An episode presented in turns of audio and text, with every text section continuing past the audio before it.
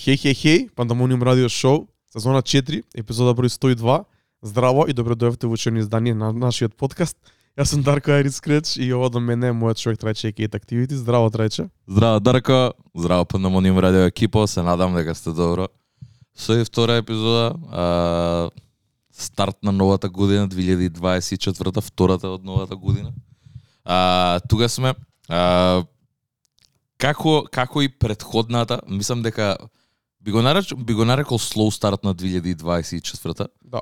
Пошто предходната епизода зборевме за онака дека конечно добивме неколку албуми кои што окей може да ги збориме и можеме да, да збориме за нив и зборевме за нив, ама од тогаш посебно една недела покасно се нема нешто премногу десено. Како и да е, може и у хип-хоп светот не се дешаваат многу работи, ама а, ако сте тука со нас од лани знаете и некако чудно се погоди исто пак денес на денешен на на на, на, на денешен ден уствари. Денес е 24 јануари. На Дарко му е роден ден. Дарко, најсреќен роден ден. И нормално ко Лани, да нема нема да го правиме. Морам да напоменам, Лани имавме гостин и беше малце поинакво онака имаше поише хајп и, и они донесаа тортички едно и друго кога се направи се околу. Денес денес беше оставено на мене и I gotta do what's right. Мора да се го испочитаме моето моето братче и немаше немаше кец. Се надам че има секунд. Технички проблем. Топ. Немаше нема, нема, нема, немаше ниш, ниш, никакви други освен Happy Birthday. Брат, требаше 34 cupcakes да ставам овде ако требаше Happy Birthday да пише на сите. И си викам заеви да за Дарко така да брат мој Фала многу, брат. тоа е тоа. Мораше да се испоштува еднаш еднаш вакво. С- А, јануарија, јан, јануарија едноставно и мене и на Дарко ние некако блиски сме со родендените, мене ми е 27, Дарко е на 24. Лани, мислам дека последниве две години онака се, сега се дешава нешто околу нашите родендени. Предходната година и го имавме Кискин овде, а, која што воедно е ни едно од најгледаните ако, ако не и најгледаната епизода. Посебно и со фристайлот, дека тога шептен имавме онака all out. И сега вајбот е малце поразличен дека сме овде само ја, и- ја и ти. Ама добро е да добро е дека се погоди пак да снимаме. Ја одложивме епизодата, значи требаше вчера да снимаме, кога значи ден пред роден денот, ама нормално поради оправдани причини треба да снимаме денес. И таман. Мене многу поише ме да потсеќа на моментот пред две години, кога прв пат правевме Origins. Тогаш исто така одложивме еден ден, не знам зашто, Да. и другиот ден ептен касно стигнавме да снимаме и многу кратки епизода направивме. Кога направивме првата Origins, за после тоа следната да направиме твојата Origins, да биде малце подобро и малце по подлабоко да влеземе. И некако така така се осеќав и тогаш, така се осеќам и сега и тогаш немавме нешто многу за зборење. И моравме да измислиме некоја тема, па така инспирирани од роден дените од јануари, решивме да направиме Origins. Многу добро се поклопи дека Лан исто беше кискин на Origins. Овој пат немаме Origins, ама со помош на нашите пријатели, нашата Discord екипа, успеавме да измислиме некоја тема и да извадиме нешто за зборење кога хип-хоп светот не ни дава ништо интересно или вредно за толку да се да се спомне тука. Апсолутно. А, тоа не, не е ништо страшно, мислам дека и као многу луѓе а, кој што рековме, као ба, баш прашавме и Дарко исто така и пише кај нас на Дискорд дека имаме потешкоти пошто не е неќеме да ја жртвуваме редовност, сакаме да сме week in week out, ама од друга страна и неќеме да збориме за а, дека имаме прочитано Ким Кардашиан дека е новиот бранд амбасадор на Баленсиага, не ни интересира тоа и нема зашто да го покриваме тоа. Ама сакаме да збориме нешто кое што би значило на луѓе, не луѓе кои што не пратат, кои што сакаат да да фрлиме поглед на некои ствари, да покриеме некои теми. И заради тоа и се обративме бидејќи немаме каде Ја мислам немаме каде. Имаме точно каде и се обративме на нашата Discord community, луѓето кои што највеќе не пратат и не следат и понака побаравме на еден начин помош од нив, у смисла да ни дадат некои топикс, теми кои што би можеле ние да ги обработиме. И а, луѓе се вратија со интересни муабети за за зборење, имаше повеќе повеќе предлози, а, кои што дефинитивно ќе ги земеме предвид онака и би ги обработиле некаде не, во во иднината, во блиската иднина, а, каде што ќе можеме да збориме на теми онака и да и на еден начин ќе го вратиме тоа тема на денот што го имавме како во, во, во првата во првата сезона на Пандамониум.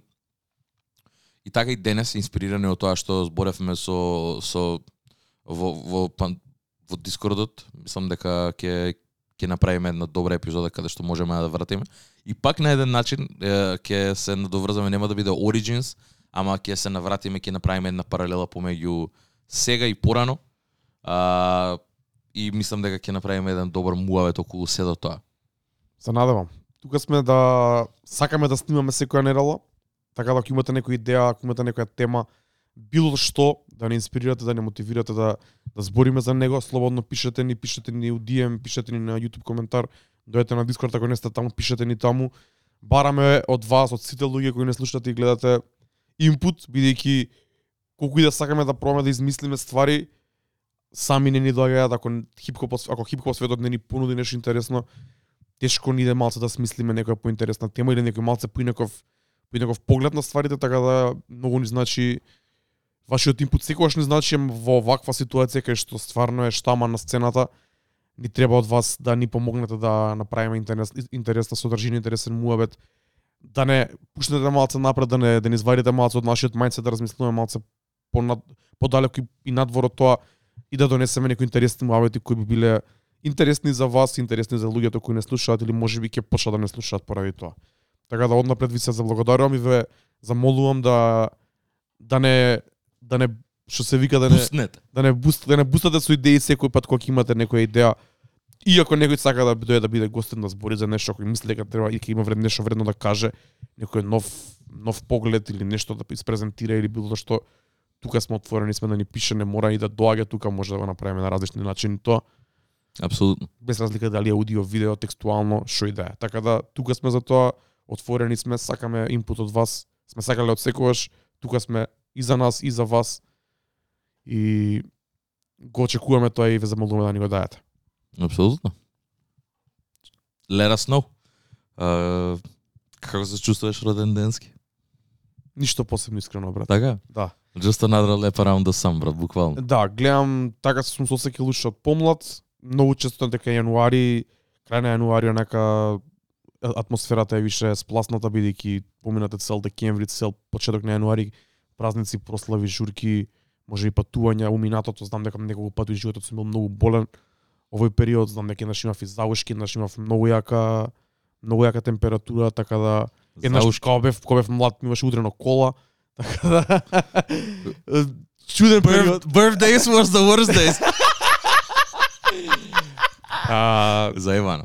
таков е денот и, само она ги памтиш работите дека ти дека ти е роден, не памтиш кога си сосекал, не е дека друг пат Да. не сум бил болен или нешто, ама крај на јануари е заебан период.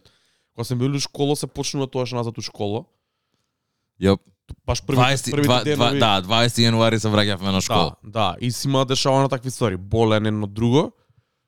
Кога сум кога сум пораснал малце, кога сум излагал со другарите, кога сум частал ово на сега сме дали на празни на празни клубови, у празни кафани, бидејќи никој не излага на 24, 25, 26 јануари дека сите се онака истрошени финансиски, емоционално, секако можно.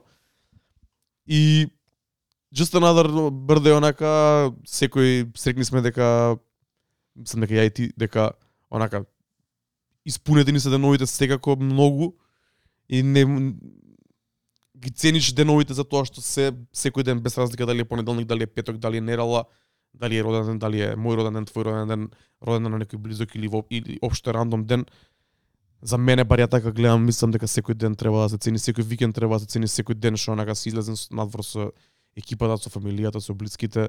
Така да ова е уште еден таков ден. Вчера бев излезен малце, денес како третирам ко нормален ден. Снимаме после тоа имам некои обврски да завршам. Тоа е тоа. Вечер има Ливерпул за гледање.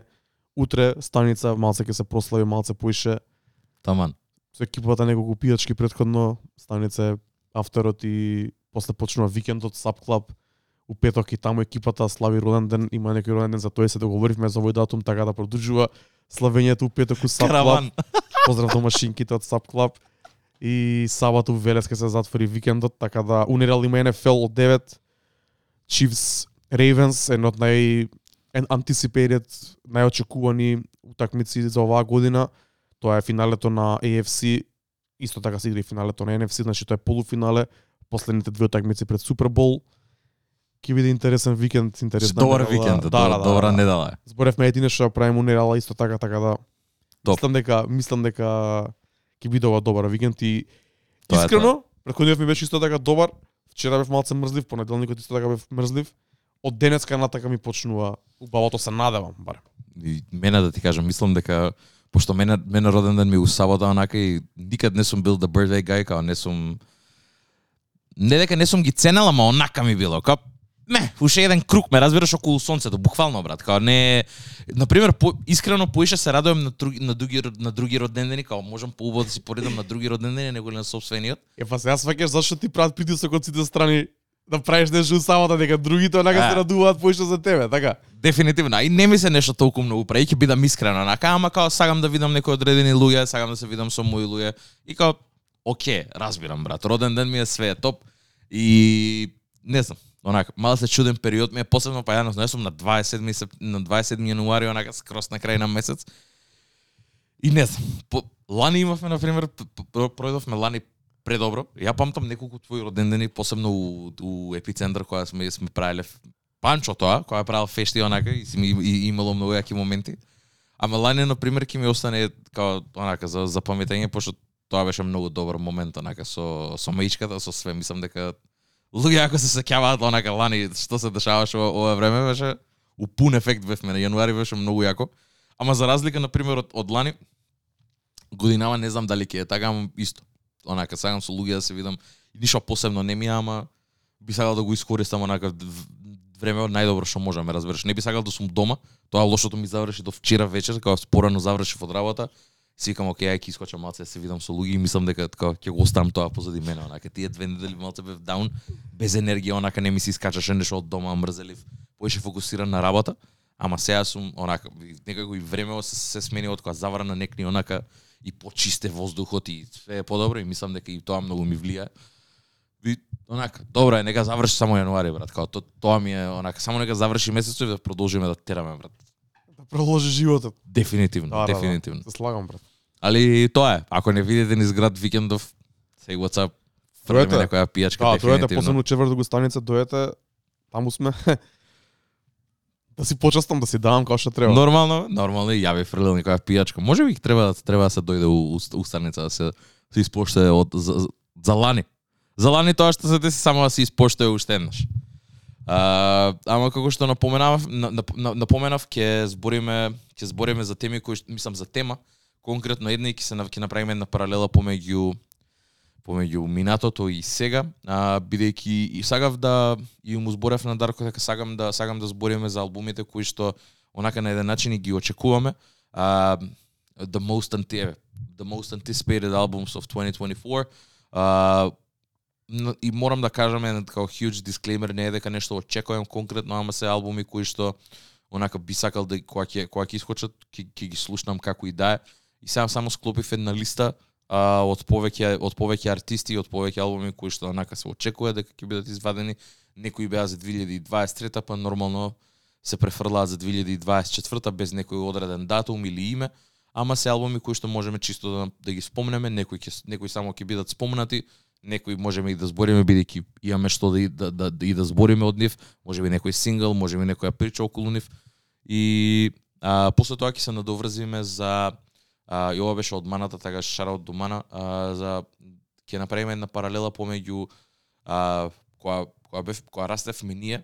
И заради тоа велам пак на еден начин онака е слично бидејќи се враќаме на, на- назад, ама ќе направиме една паралела а, порано како се конзумираше музиката у смисла дека а, за за тој anticipation и ние кога бевме мали како ја конзумиравме бидејќи сега веќе информациите се добиваат во real time кога се дешава нешто во Америка, у Македонија кај нас можеш да отвориш Твитер, еден да рефреш ти треба и само ќе ги добиеш информации што ти треба.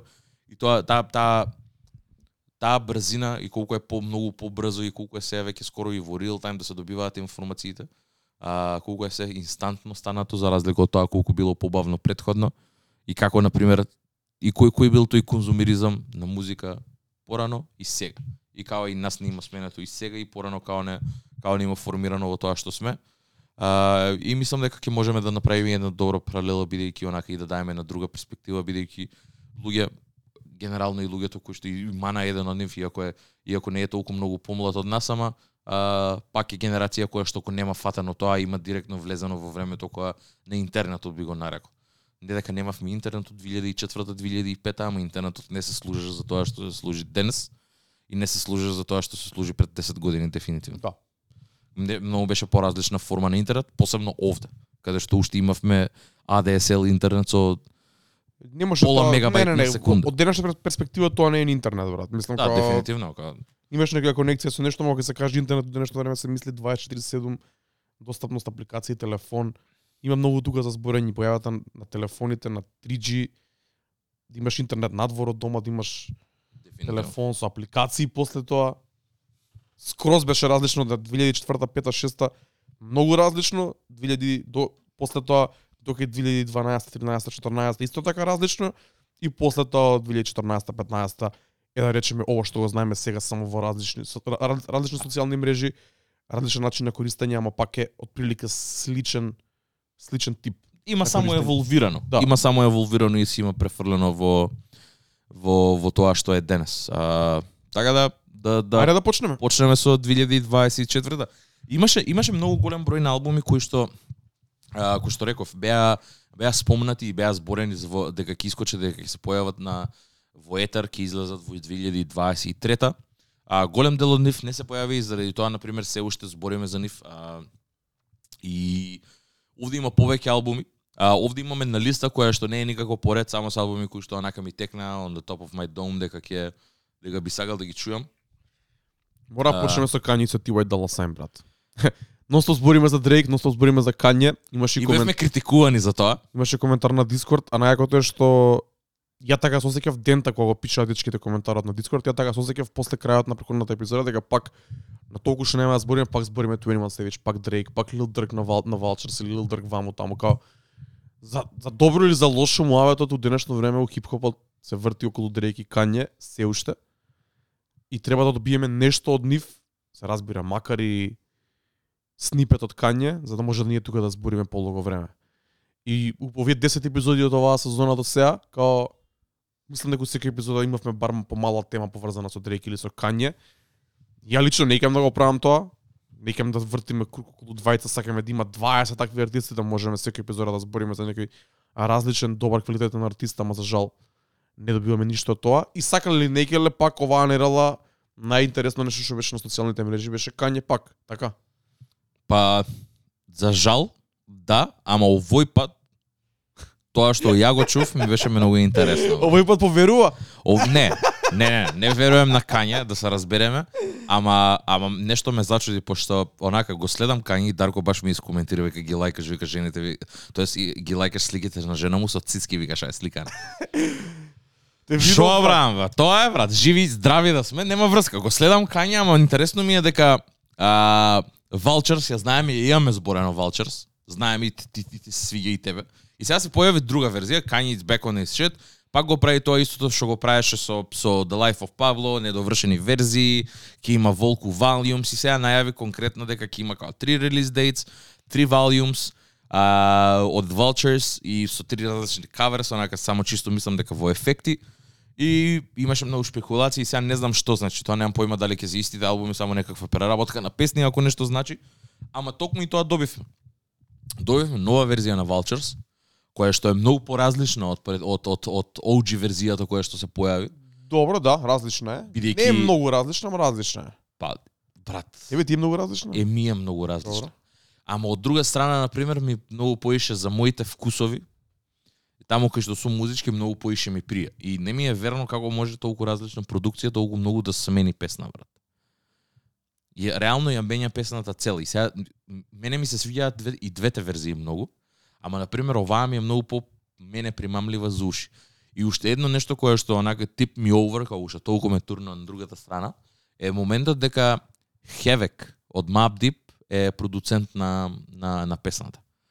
Што е биг, брат. Као, ме- мене, на пример, мислам дека не се доволно збори за Havoc како како артист, како продуцент, како рапер. Како продуцент пред се, како рапер мислам дека е доволно како, ценет. како, како, како продуцент бидејќи тој е човекот кој што на 18 години, на, не знам, на 18 мислам дека го има направено го имаат направено The Infamous, тој легендарен Deep албум. Продукцијата онака Shook Ones Part 2 е еден од најлегендарните битови. Замислам дека и лани некој не, некој од тие големите publications и го нарече дека е најлегендарниот бит на сите времења од целата од, од целиот тој Легендарен е дефинитивно. И мислам дека нема по уште брат тие трубите кога ги чуеш на почеток и тој word up и, и, и тие снерови негови и снерот многу потсеќа на Map Deep брат. Имаше еден коментар на тој на, на, на тој постот на Кања дека као со тој као, демек со тој снер као мораш и као се влегов убацив слушалки во тој момент брат го слушав вака на спикер и викам чекај малце и с- на слушалки само за да чујам да видам. И стварно онака кога ќе навлезеш ако имате слушано доволно Map Deep ќе знаете дека а, стварно потсеќа многу на, на снерот конкретно и као уште толку поише ми се свиѓа брат. И сега раз- и сега и сега ме тоа, тоа ме стави у двумица, но у смисла ќе имаме ли и трета верзија на кај што ќе е сосема нешто друго бидејќи енергиите, можеби на пример битовите не се и толку многу различни, за мене се различни, според тебе можеби не се. Ама па енергијата што ја даваат е, на, ја тотално менја брат. Со вториот бит сега би ја пуштал устаница брат, кој што имаше пуштано. Не, со вториот Така? бит не. Не влага. И мислам дека тоа е клучната разлика, што оваа втора е многу посмут, не удира толку. Soulful е, Да, не удира толку, ама тоа е soulful е, вака за слушање можеби е по попријатна, ама јакото на првата верзија се тие многу јаки кикови и савот што Па, ствари вози ја прави да биде бенгер. Вака не е бенгер. Посебно делот на Лил Дърк и на Кање што ствари беше на снипетот, така. Да, да. Сигурно ќе звучи добро ни, цел, ни целата песна, ама сега ти мислиш дека трите волум се три различни верзии на секоја песна? Па мене така ми доаѓа да мислам, брат. Немам појма искрено. И не знам што да кажам околу тоа, не знам како се осеќам за тоа и само Добро, сакам само сакам, добро. само само сакам да искочи албумов каков и да е само за да се прекинем да се збори брат. Бидејќи стварно мислам дека сум overwhelmed ја од следење, мислам од следење. Не не, не следам активно, ама на пример као Цицките си overwhelmed. И тоа да. Ле, ле, ле. Брат, ќе го одследам кање this moment, брат. Не, не реално. Нема врска. Пој Добри слики се брат, не може нека добри слики се стварно нема, радаме. нема, нема врска, не, ама кање Јако е дека Кање го става тоа брат, значи многу е јако дека Кање до толку онака од будала што као го става тоа и тој ме на луѓето јако и тоа мислам јако е стварно, ама као Еве и engaging е со луѓе, гледам Е, сега па- им пишува на, на луѓе ги онака ги антагонизира, брат, им пишува како get off my page ако не ако не ти се свиѓа тоа што постирам if you want the old Kanye како да. Ретардиране брат, off the hinges се тотално и тоа е уствари тоа што не привлекува толку многу сите кон Kanye брат. Polarizing клик е брат, да брат, ама знаеш како се осеќам? Ај сега го бранам не може, ама не може да биде тоа, не не може веќе да збориме за Kanye брат. Нека го извади албумот брат. Не, ама знаеш како брат, сега знаеш, е, доаѓа време кога што луѓето го гледаат за забава и да се смеат брат и го препраќаат ко содржина на некој инст- Инстаграм вакво инфлуенсер или јутубер или нешто као Не брат, не е тоа Кање. ме Да, сваќаш. дај Мислам, ја не- музика, Не да. треба тоа да биде, брат. Да, дај ми ја музика да. Тоа е затоа што зборев и за Everybody, да не го збориме сега пак тоа. Друг стандард е. Кање од секад бил ненормален, од секад имал такви интере... од една страна интересни работи. Се тоа е интересно, брат, се тоа е engaging, се тоа е онака екс, е, е, експлицитно ти вади, ти вади реакција, онака те те вади, те вади, те вади од, од кожа, онака и Провокативно е, брат. провокативно е. Ама го сакам за нешто друго, бари јас го сакам за нешто друго. Апсолутно, да сваѓам и заради тоа сакам само да искочи албумов што и да е. И се надам дека ќе биде последниот пат што ќе збориме за Vultures пред да биде изваден, има веќе релиз дейт за трите албуми, не знам како ги закачаат месец апарт. Три верзии, а, Volume 1, 2 and 3 и според мене, барем тоа сега што го добив, ако нешто значи уопште укањен светот, пред што мислам дека не значи ништо, Да. е дека а, ќе добиеме три различни верзии со alternative versions и битови и едно и друго. И се надевам дека ќе е тоа така, брат. Гледам дека имаше момент JPEG Mafia пред некој ден имаше као а, пишеше лоши ствари за Twitter, на Twitter боусташе за Kanye West, дека е опколен со луѓе кои што о, само се yes man и као нема, само му викаат да, да, и му го хранат егото и уствари да работа во безсознание, а, каде што као демек за, ти си мојот најголем идол, зашо не ја да не соработам со тебе. Lo and behold, немам појма како има тоа стигнато до Кање.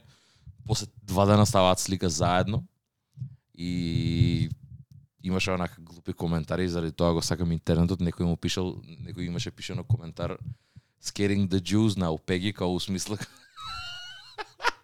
Scaring the host, done. Ама гледаш, брат. Scaring the juice, next, брат. Ама гледаш, брат, значи поише како Е па тоа е брат, брат. поиш се е мим брат. Веќе веќе веќе се е станало така мим на светов и мислам дека тоа ме нервира брат. Не би сакал не би сакал мемиња да се прави. Дај, дајте ни музика, окей, JPEG Мафија човек кој што а, у алтернативниот свет е многу почитуван ветеран у сето тоа што го прави дефинитивно го прави 10 плюс години. И има нешто да покаже за својата музика. Каква и да е без разлика тоа луѓе дали ја слушаат, дали ја за меса пиел или не, има што да донесе на масата. Ама дај да видиме резултатот од тоа, ме разбереш, да не останеме само на мимс. Нормално е, луѓе ќе се заебаваат и веќе мим културата е толку искочена вон контрола, брат, што мене веќе ме е одвратно, брат, да, да скролам, рилс гледам, жртва сум на тоа, ама сум жртва, брат, сваќам на крајот на денот, брат, се фаќам викам, дали си нормален, на што се смееш, бе, брат, не си нормален, брат. Тоа. Буквално. И сите мислам дека сме оперирани од тоа, виши дека толку ни, ни имаат сменето психата брат за за колку е тоа се пореметувачки и, и као сите учествуваме брат, брат у тоа. Ме разбираш и као колку мим си имам видено врз основа на таа слика брат од од, од нив двајца. Е нереално брат. И си све се носи у екстреми и као се дозволува тие мимс да имаат поише влијание него ли тоа што ќе искочи од од таа нивна Епа- средба, од тоа нивна студио сесија, од тоа што и да е брат. И као Ако уопште искочи нешто. Е, да, тука тоа е проблемот што ги имам јас со Кани со овој начин на постирање и пишување глупости, брат, што он ја става сликата и сега немаме ништо извадено или добиено вакво, он ја става сликата и сега сликата да достигнува толку голем пик и популарност и ришерување и се, ако не добиеме песна и да добиеме песна, луѓето не ни знаа брат кој е JPEG Mafia или што како. Како знаеш, нека само и вадим вади инстант реакција таа слика, за три дена ќе ја заборавиме или за две недели ќе ја заборавиме. Ако не добиеме музика, џабе е направено само Кање добил добри или лоши реакции од тоа и као светот продолжува напред брат и тоа се осеќа со музиката за, за тој не, не резонира музиката на Кање толку далеку на страна од неговите хардкор фанови. Дека тие што го следат на Инстаграм многу се да, од тие што го Огромна бројка, да. Тие што го следат 20, 30, 50% може би ќе опуштат албумот еднаш два пати, може би сите ќе го пуштат еднаш два пати, после тоа никој нема да го пушти прат пак. И нема да стигне до луѓето што не го следат. Например, јас не го следам и мене не ме интересираат тие гимикси, тие тоа се деси мислам дека со Донда. Тоа се деси. Тоа ќе се деси со ова ако не ако, ако, ако со овој албум ако не го добиеме за многу брзо време. Со тоа што тоа што Тиво е дала се не тука, тоа ќе му даде друга тежина можеби во клубови, на некои други места кај што Кање сам како Кање у денешно време не стига сам. Не може да стигне сам. Така. За жал.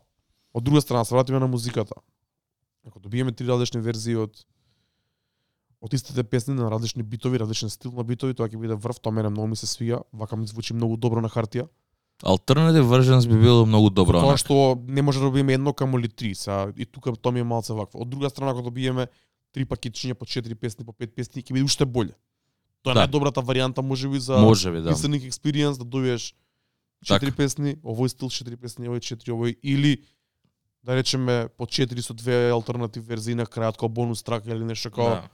тој начин на ролаут е искрено многу добар и ако успе Кања да го извлече така, ние збориме од одамна дека треба да се може да се цепкаат проектите на помали проекти да се вратат од време на време во она, ама као тоа ќе биде breaking и тоа не знам како да са никога нема направено, ама најверојатно нема да се рачуна секако sales на еден албум. Тоа може би, ама Кање може би не, не се ни замара за тоа и ќе го дропне тоа, ама као тоа е многу интересен начин да се извади еден проект од 12 песни или од 15 песни, три, де- три На дела три по пет места по песни, пет, да. Секои две недели ни го даваш, имаме два месеци, месец, два кање, збориме за сите, ги слушаме сите, имаш време пет песни, ги преслушаш две недели, пред да добиеш следни пет.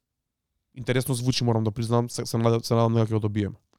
Апсолутно. Мислам дека мислам дека ќе биде добро. Мислам дека ќе биде добро, ама у мојата глава моментално и барем тоа што успеав да видам, мислам дека тоа се надевам дека ќе добиеме некои алтернативни верзии, ама стварно би сакал да прекинам да зборам за Кање Седур, не чуеме нешто друго освен тоа што веќе го имаме добиено, бидејќи е многу само е смоук, брат, само е чат, ме разбираш, no fire, само е чат, брат, и не го не тоа, брат, више. Стварно онака немам више вакво и на пример тоа кога се деси у нашиот дискорд каде што луѓе активно мислам како критикуваа за тоа, се почувствував така онака дека стварно, ама од друга страна сваќам дека и луѓе не се не се виновивнат, едноставно се не се нема да ги нарачам жртви, ама се жртви на тоа, ме разбираш како зашо друго да збориме брат. Мислам тоа е Па тоа е олицет- да. олицетворение и као и за, заради тоа и бевме онака као окей, ај ќе прашаме да видиме луѓе што ги интересира зашто сакаат да збориме и за да направиме муа. Тоа пак се поврзува некако бидејќи буквално само тие двајца се тие што остануваат овде кои што ден денес уопште вадат нешто што е noteworthy брат. Као да зборевме за Insane Kid Cudi интрото уште го вртам, ама само интрото остана, ме разбираш, као не пак Иде, иде, иде, чеки, чеки. леле мајко мила. Тоа е брат. Ја осети, еј. Извади ако не, а? Технички проблеми у студиото. А, лепокот не ни лепет доволно, треба да се поработи на случајот. Пушти уфта за да ја чуе да виде дали дали се одлепува или не. Crazy. А, и тоа, и заради тоа мислам дека е време веќе да прекинеме да збориме за за Vulture се до него добиеме за да не за, за, за да не учествуваме активно во, во сето тоа. Бидејќи има многу музика која што која што онака е еве е тука треба да искочи а, албуми кои што тек сега ќе се појават. И заради тоа и сакам да даваме некако фосфрат. Почеток на 2024 е се уште сме у првиот месец. Немаме многу многу добиено, а имаме најавено дека а, многу артисти ќе ќе ќе ќе извадат музика. И онака сакавме само чисто да спомнеме за голем за голем број на албумиве, мислам дека и нема нешто премногу. Некои веќе имаат потврден релиз дејт некои имаат релиз дейт, ама се up in the air, онака не знаеме што ќе се деша и може да почнеме онака да чисто да, да Ајде. збориме. А, еден од еден од тие албуми кои што требаше кои што го напоменав дека требаше од ви- во 2023 да искочи е uh, Don't Be Mad, A$AP Rocky. Ова го имам, мислам дека зборено и предходно уште уште кога беше и тоа со тестинг, кога се дешаваше, мислам после тестинг, бидејќи тестинг е последниот проект на на A$AP Rocky кој што го има извадено, кој што онака за некој е многу интересен албум, за некој е флоп, дека не е тоа, дека многу луѓе некако, некако го изгубија се проки од својот од својот вижен после вако. Мислам дека треба да се извади тоа, да. И и се проки предходната предходната година 2023 извади две песни. Едната која што беше многу интересна, многу tone down, многу таква една интересна песна која што ја споделив со Вајли у Дискордот искрено бидејќи ја слушав а, вчера, не знам што ми текна, као баш кога чепкав онака низ темава, сагав да видам што како и чисто сагав да проверам дали а, нешто има извадено од тогаш, бидејќи ја знаеме Рајат, а, која што беше у соработка со Фарел Уилиамс, искрено и ја заборавив. Таа можеби ќе беше и Honorable mention за 2023 бидејќи беше многу добар спот, многу добри визуалс, многу добра песна, онака стварно и битот беше многу добар. Ме потсети и онака и со пеењето и со добриот рефрен. Солидна песна од A$AP Rocky. Една недела ја слушав, ја слушав интензивно, тоа беше летото, на почетокот на летото. Добра песна е, брат. Одма ја заборев и кога ги правев листите, влегов длабоко во моите liked songs на Spotify. Ја видов, ама се реков како не брат, ја немам пуштено 4 месеци. Сваќам. Се сваќам зошто нормално е тоа, ама кога искочи ја вртев доста и ми се свиѓаше многу. Другата песна од 2023 која што мислам дека извади скоро на почеток на година беше Same Problems, песна која што мислам дека скоро и никој кода не знае дека има искочено, многу чудно. Е многу интересна верзија, потека таков на стариот и се проки од 2012 кај што пее таков е бавен Drowsy. И ако е тоа некаков не, некаков она а, олицетворение или представа за тоа што ќе биде Don't Be Mad, I'm all up for it. Сагам да видам што ќе изводи, пошто Ace Rocky пак е еден од тие кога ќе збориме за тие луѓе кои што ја имаат она, ја имаат онака направено у, у- стајано, имаат направено кратер у целова у целова хип-хоп историја, A$AP Rocky е еден од нив. Дефинитивно A$AP Mob, као може да збориме цела епизода можеме да збориме за A$AP за A$AP Мап и може да направиме еден муабет за нив бидејќи се стварно великани и се легенди во тоа и онак пак би сагал да видам после две деца ш- A$AP Rocky дали некако ќе се смени и у, у, у, и у каков поглед и кај ќе иде музички не само деца дека се вакво туку и годините и тоа дека се јаве кептен и у high fashion и све тоа чисто онака ме интересира да видам дали ќе има некакви промени. Јас стојам на истиот сентимент од пред 2 3 4 години. Ја не чекам нова музика од Еса Проки, не ми треба нова музика од Еса Проки. Многу слично се осеќам како ти што се осеќаш за Кит Кади. Со тоа што мислам дека Кит Кади од денешно време би сакал да чујам што има да каже A$AP проки не дека нема да го преслушам кога ќе дропне, ама скрос ми го има мене бар из, изгубено. Мојот интерес за него си ми изгубено, а мислам дека неговиот тач си ми изгубено бидејќи мислам дека од самиот старт не беше Есе Проки толку добар под наводници музичар. Артист кој што имаше многу добар филм околу него и беше многу captivating за млада екипа од Америка, од целиот свет. Дури кај нас има големи фанови на Есе Проки и Есе Поп од нашата генерација, меѓу кои ние. Ама јас искрено мислам дека Есе Проки е малку overrated, overrated артист, посебно неговата дискографија бидејќи има многу силни моменти, али онака нешто слично како што се осеќам за Wiz Khalifa денес, со тоа што Wiz Khalifa го долго време го немам слушано и сега кога дропне нешто ме интересира да го чујам и сега е влезен у свој филм пре некој таков мелоу хип-хоп рапува за стандардните Wiz Khalifa теми, ама као не ми смета да го чујам. Есе Проки уште ми треба Си го има тој Larry June момент, малце Wiz Khalifa има извадено три проекти лани или четири. Да, да, да, да. Мене ми се пушта нонстоп вака на ра- рандом на Spotify и не ми смета. Ама дека стилот е таков што не, не, Да, не, би не би мело, сметал. лесен е, да, да. лесен. Есе Проки требаше да грешам, ама мислам дека нема што да понуди више. брат. Која е последната Есе Проки песна што ти се свијала? Што ти била во ротација? Уф, не знам, не се сеќавам. Мене ми е многу одамна нешто како Fuck Sleep или нешто такво. Кога е Fuck Sleep? Да, на тестинг? Не, која, да, кај е да, тоа? да, да, на тестинг. 2018 Така нешто пред COVID. Пред COVID е сигурно, брат. Многу Да, е дамно. Praise the. Lord кога иде искочи. Заедно со Praise the Praise Lord. the Lord, да. Praise the Lord, да. Ама као, Таа беше хит од од тоа ми е последно што нека ми има останато, останато. Да, Praise the Lord ја заборавам. Таа може би му е најголем хит од денешното време кога ја размислиш вака. Па да. Не, видите, разбирам, ја не ја не мислам дека Роки има low, low points, ама мислам дека има многу highs и многу Мислиш? одамна има прекинато. Па па не гледам вака у неговата категорија. Види, може би на пример го гледам од од различен аспект. А, мене на пример а, оној Ала албумот ми се свија многу брат. Има таму има многу поише такви лоуки бенгери албум кац кои што многу луѓе не ги слушаат, ама мене многу ми се свијаат. А, и вака кога ќе навлезеш у неговата дискографија, од секад бил малце не е од секогаш бил да да флеши гај, не мислам од, од секогаш е бил да флеши гај, ама не секогаш е да флеши гај. А, и длабоко у неговата дискографија можеш да најдеш многу добар материјал, многу таков сериозен човек, он, е- он е еден од првите после Lil B, а, кој што има соработувано со Клемс Казино и Early On и уште уште која искочи ASAP Mob, уште која се појавија Песо мислам дека е првата песна која што ја чув од ASAP Rocky, Да. нема нема нема нема, нема да лажам, Да, да, да. ама Сигурно. ама ама ја закачив многу рано. Ја закачив релативно рано која искочи. И мене ми беше врв брат. И после навлегов и у другите ствари. Навлегов у тие малце по албум кац што бе, и бе- ми беше многу интересно брат.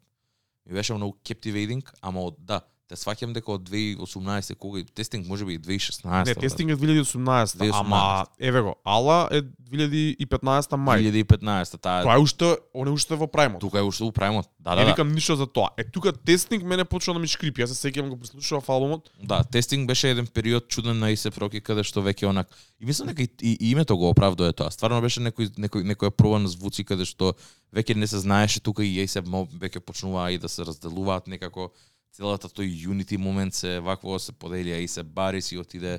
12 и више не соработува толку ASAP не го нема. Не, не движеа како Unit и мислам ASAP Ferg официјално мислам дека ги кажа веќе дека не е ни дел дел од ASAP Map. И као се поделија тука некако стварите се појавија неколку вакво и нормално веќе кога не движиш као Unit, веќе нормално е онака да да се губи ја пилот на еден начин, ме разбираш, као нормално е и сега Young men's Game е на крајот на денот, во никој од нив више ни не е толку ни многу мал, сите имаат 35 плюс години од друга страна, ама и нормално е сите се више со деца оврски и нормално разбирливо е да не може 20 луѓе да се собираат и да дремат пред Харлем, пред зграда, брат, пред The Project, која имаат милиони и се живеат у убави куки. И онака нема разбирам разбирам зошто кај многу луѓе го има изгубена апилот, ме разбираш? Ама на пример мене се уште ми е великанот од таа ера. А, и своевремено има направено дупка, огромна кратер има оставено а, со неговата музика и го сметам за еден од пионерите кои што на денешница има даено многу поразличен звук него или тоа што нуделе Кендрик, Кол, Дрейк. Ме разбираш, као он бил нешто поразлично, као луѓе од Нью Йорк инспирирани од Хјустон рап, брат, као со Райдер Клен, со све, као Ептен Ептен биле онака тептин у андерграундот и у, и у тоа што се дешавало у 90 и у рани 2000 у Хјустон и у Мемфис и заради тоа толку се толку се интересни колку што се а, значи зборам и со целата лин култура и со све тоа што се дешавало биле онака првенци сега за подобро или за полошо, ама разбирам зошто имаат луѓе изгубено интерес у неговата музика, брат. Сваќам, тестинг беше таков еден чуден проект.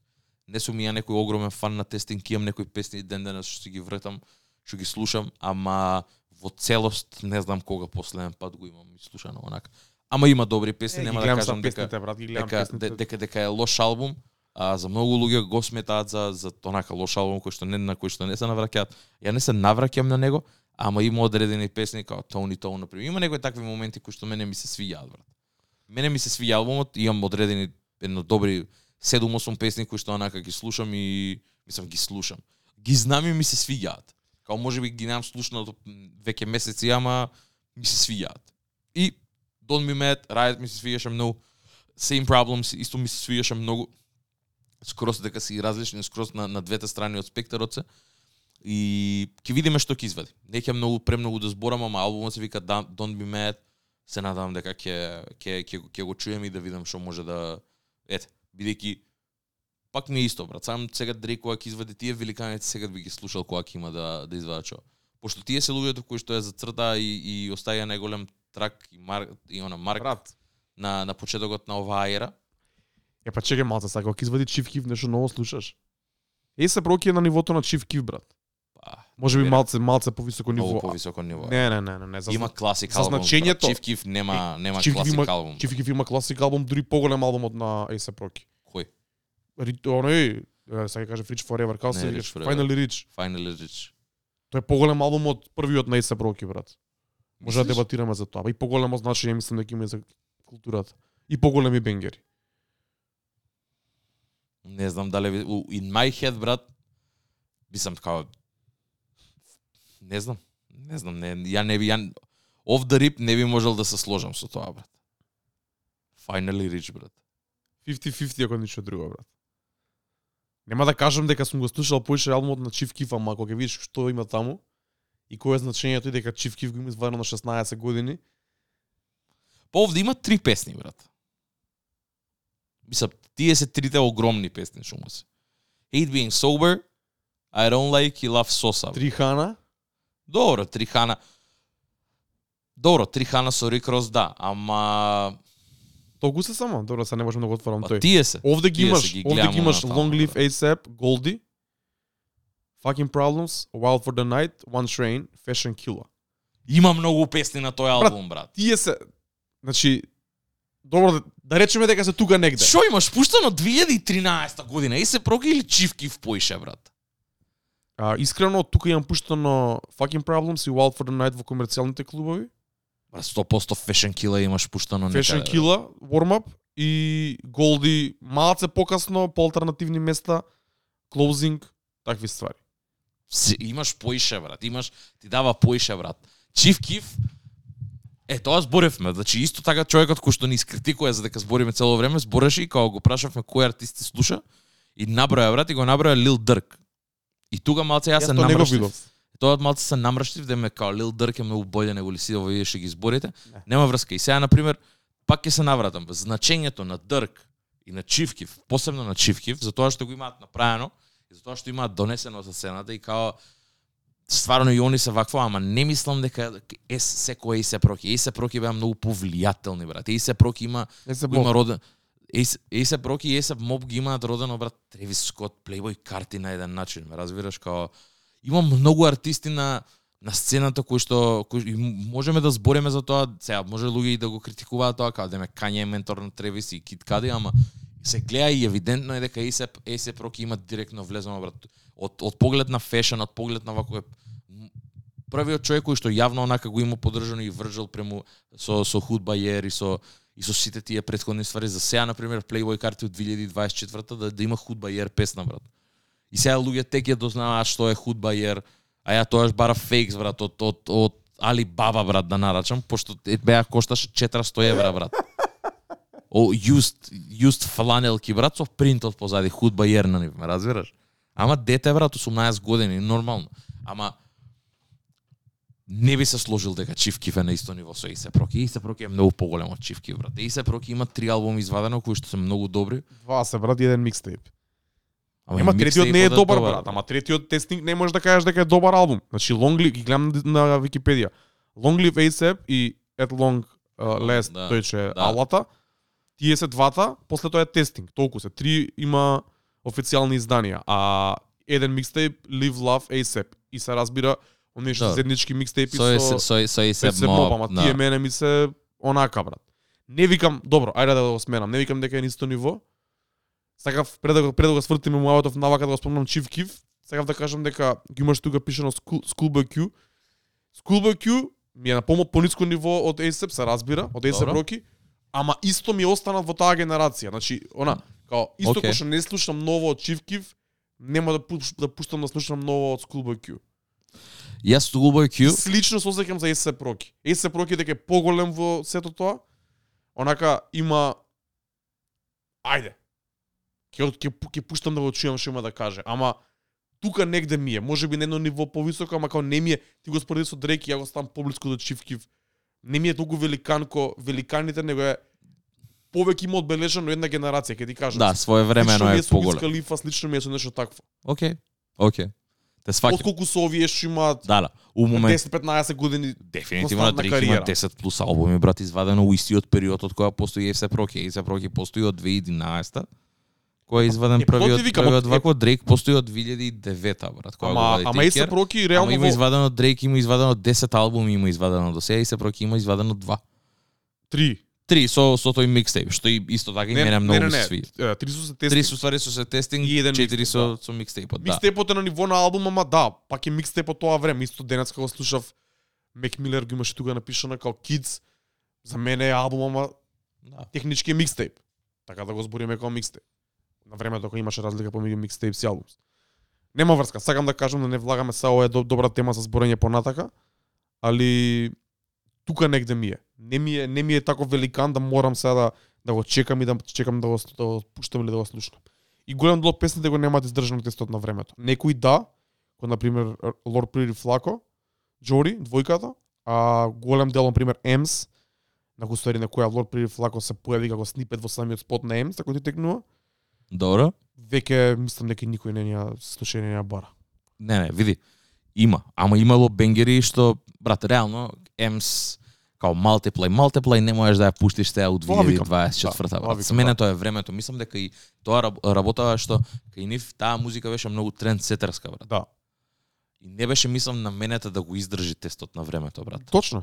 Разбираш, као тоа беше само да се оцрта у таа тера, у таа у тој момент, у таа година, што беше да флае шит. И мислам дека и тоа му беше цело време на Исе Проки, тој неговиот тоа форте брат, кај што таа му беше јаката страна, да, кај што да, беше да. трендсетер на еден начин, Да. разбираш?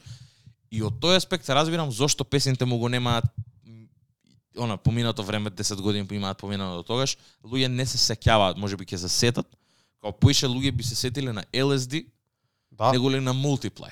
Ме разбираш? Да, да, дека е поалтернативна, посмирена, е љубовна е, ме разбираш, као има поише елементи кои што луѓе може да се вратат на не, него ли на Multiply Juicy J.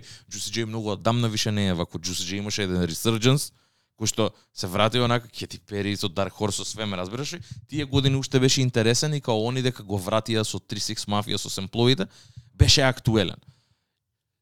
Ама е трендсетер.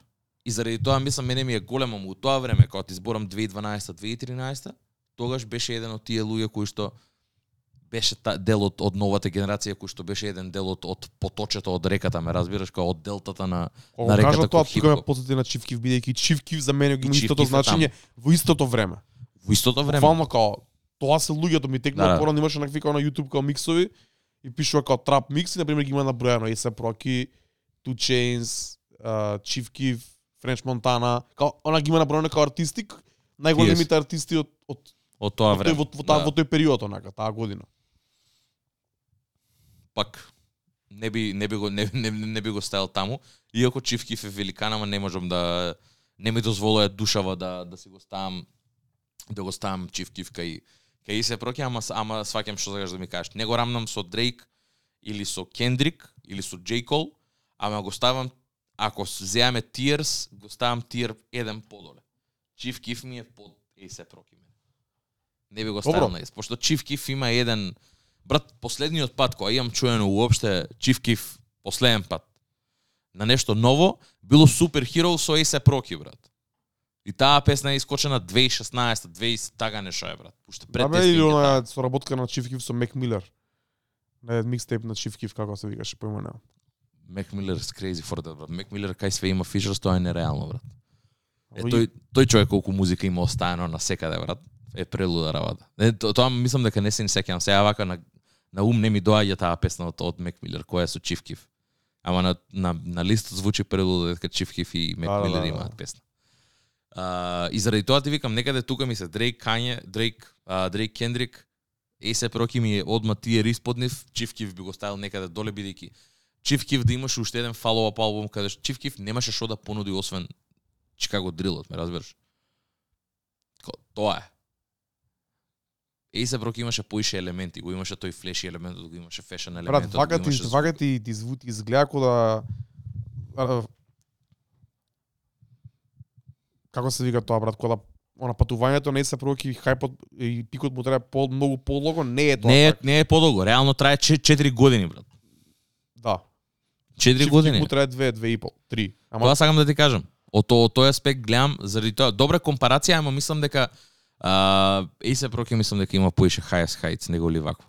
Бидејќи пак на Keef брат и Keef го доби тој бустот од и од Kanye, so I don't like you, пошто се Баш поради тоа мислам дека Final Reach ќе остане и, и Long Live ASAP ќе остане како проект што онака ќе е класика на новото време, ќе збориме за тоа некогаш виднина. Ама и Final Reach дефинитивно ќе остане како онака, знаеш како онака must listen Да, у целиот спектар на 50 години хип моментов као мора. Од 2011, од 2012 тие се албумите кои што треба да да ги чуеш тоа. Мораш да ги чуеш, Не знам дефинитивно. дека која година е. Таа ера, значи Да, да. ова мораш да го чуеш. Дека не можеш да споредиш со ништо друго претходно и после тоа. Истото Дефинитивно. важи за Long Live ASAP. Истото важи. Апсолутно. Ама Се као слагам. толку се силни Да. проектите. Не можам тоа да го кажам за албумот на Two Chainz, оној со со два таланци да. based a true story или како се викаш. да. Го нема тој импакт. Значи ова е импактот, ова е тоа као ASAP Rocky, да, ова е еден еден бран, Chief Keef, ова е друг бран. Двајцата се млади, двајцата се скрос уникатни и носат нешто ново на масата. Не можеш да оставиш таму ни Joey Badass, никој нема толку силен албум кој што е Finally Rich или кој што е Long Live ASAP. Толку Фер. значајни за културата и да има комерцијален успех, да има бенгери, да има Certified Classics после 10, 11, 12 години. Така. Океј, фер.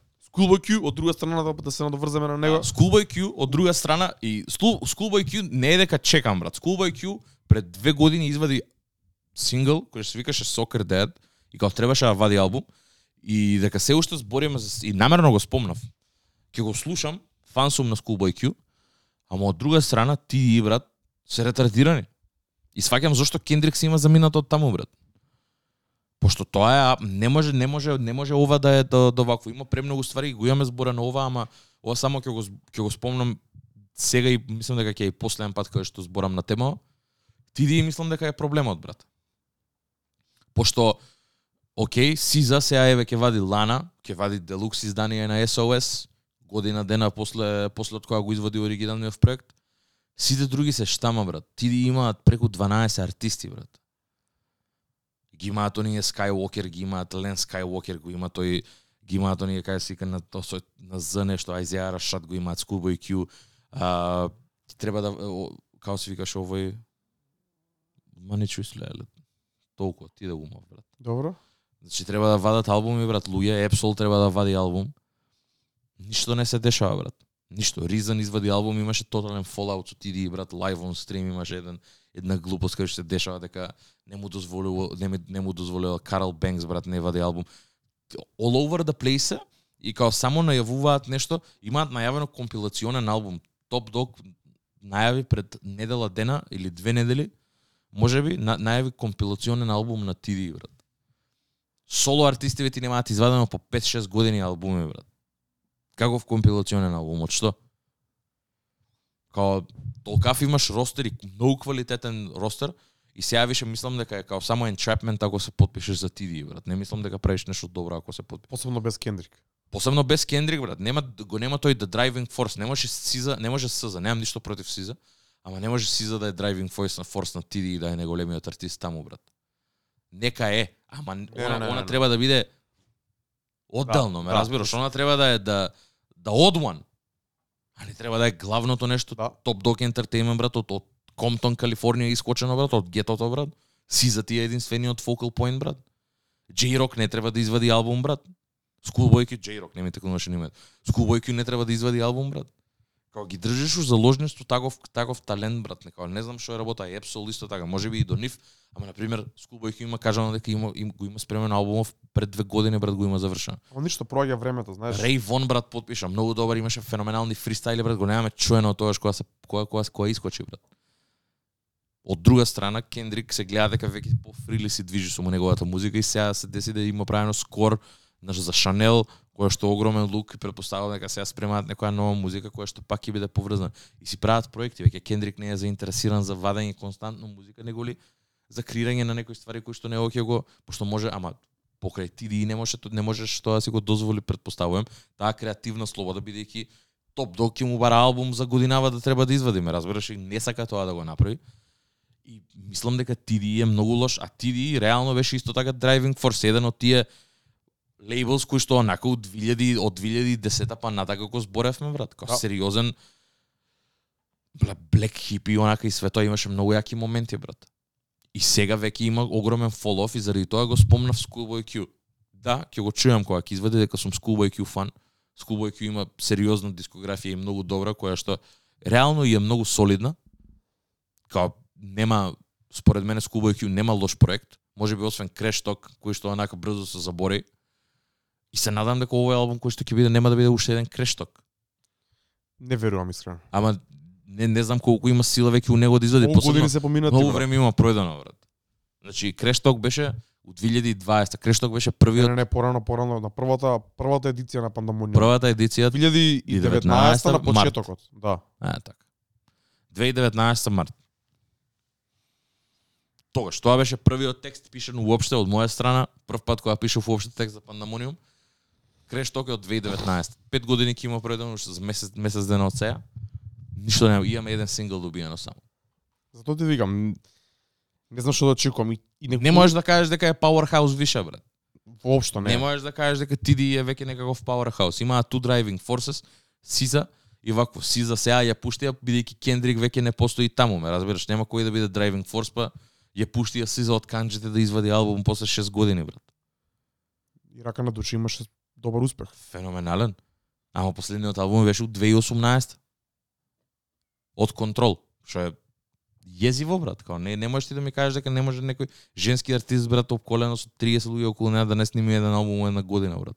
Љубовен албум да направиме, разбираш? Може, не сигурно не и требаат Не 5 треба- години да, за, да, за да извади албум. Нешто измеѓу треба да биде. И као ми беше пречудно и заради тоа го ставив овде, а, чисто за да за, само за, за да можам да го кажам ова. А, исто така од тие албуми кои што онака се без име, без именковци, Frank Ocean кој што треба така одемек да извади албум. И не знам што се дешава, ама ако извади, извади веќе не се Frank Ocean еден од тие луѓе кои што онака. Ако извади if it drops it drops, ќе слушам ако искочи, ако не не. А Cardi B е интересен момент. А, онака не, не, не дека сакам да зборам за Cardi B, ама ама Cardi B беше артистот кој што му го джапна Тревис Скот а, за најдобар албум за 2018 година и од тогаш Silence брат. Имаме 2024 е више. Ова е шеста година као проаѓа од кога треба да извади албум и се уште немаме ништо добиено и не знам зошто е тоа така брат. Мислам сваќам дека имала синглови и песни кои што ги има извадено од тогаш и, и биле успешни и со големи бројки, И нема толку многу искрено. ама не се поише од 3-4 мислам дека. Не ги знам бројките, ама по тоа што го вртиме во клуб, уште вртиме Бода Киело од неа. Нажалост. Нема брат, имаше неколку неколку окей песни, неколку големи фейлс, неколку обиди за кросовер што не беа толку успешни, што онака дури беа и да речем негативно влијае на мислењето на луѓето за неа и мислам дека и поради тоа баш онака не вади дека не луѓето не не осеќаат и не барат Cardi B музика од Па, денешно време. па тоа сам да ти кажам брат, и мислам дека многу брзо се потроши. Го имаме зборено ова, ама мислам дека тој тој женски таков сексапил мислам дека многу се потроши брат. Единственото нешто кое што вака у последно време ми има а, ми има фатено уво е Flow Mili и тоа последнава песна која што има песна, извадена да. брат. Со дека- Тест битот и тоа ми е фајер онака и дури и соло верзијата. Лил Јахте ми се свиѓа, ама соло верзијата ми е многу до многу добро. Ама исто е, Лил Јахте со ми се свиѓа дека само е неговиот само неговиот врси 43 секунди е подолга песната и заради тоа не ми ни смета. Али битот колку е многу Брат. добар, како она го вози битот. Стварите се тие исти што ги збори, ама го нема тоа со вкус е некако направено, брат. Као не не можам да хейтам, брат. Не ми Не, мра, не, не, не, не, не, ми не ми не ми пречи сексапилот, не ми мре ништо од тоа. брат. Не ми пречи уопште. Али тагов рончинес, брат, без контрола, брат, на, на ме разбираш као имам имам со тоа проблем. Флоу били многу ми се свиѓа, брат. Многу ми се свиѓа, брат. Многу. Имаше и некој ремикс, мислам, кај што има има со поише вакво, нели пошто битот е земен од Ронар Тест. Така се вика оригиналната песна. Не знам која е оригиналната песна, брат, на битот е врв. Битот е ретардиран, она го има земено битот. На Vibe Christmas миксот. Бидејќи тоа е буквално тој Vibe Christmas звук што Vibe звук што у мојата глава го ставам у, у, тој фолдер и у Песната оригинална е од Babyface Ray и од 42 Doug и се вика Ронар Тест. Така та- и мислам дека има има она као еден unofficial remix со нив и после се го има направено у соло песна. И, ми- и ги има даено правата за за песната пошто неизиниот дел blow up Ама многу добро брат. И тоа е онака како тоа е стейпл за квалитетна трап песна од женски артист брат. да. Мене тоа многу ми се свиѓа. Немав шанса да го зборам, не ја ставив, а требаше да ја ставам исто и требаше само да ја дам почит за тоа што е бидејќи од женски артист и бидејќи многу ретко се дешава од да ја женски артист да ми се свиѓа. За едниот на имам слушано, не не не не не, не, не, не ја спомнав брат. За најдобрите за 2023-та. Па кога изкочи? Ама не касно излезе, брат. Многу касно изкочи, ама Не, не, не, таа не знам дали излезе 2023-та, брат. сега не е толку свежа. Па брат. 30 ноември.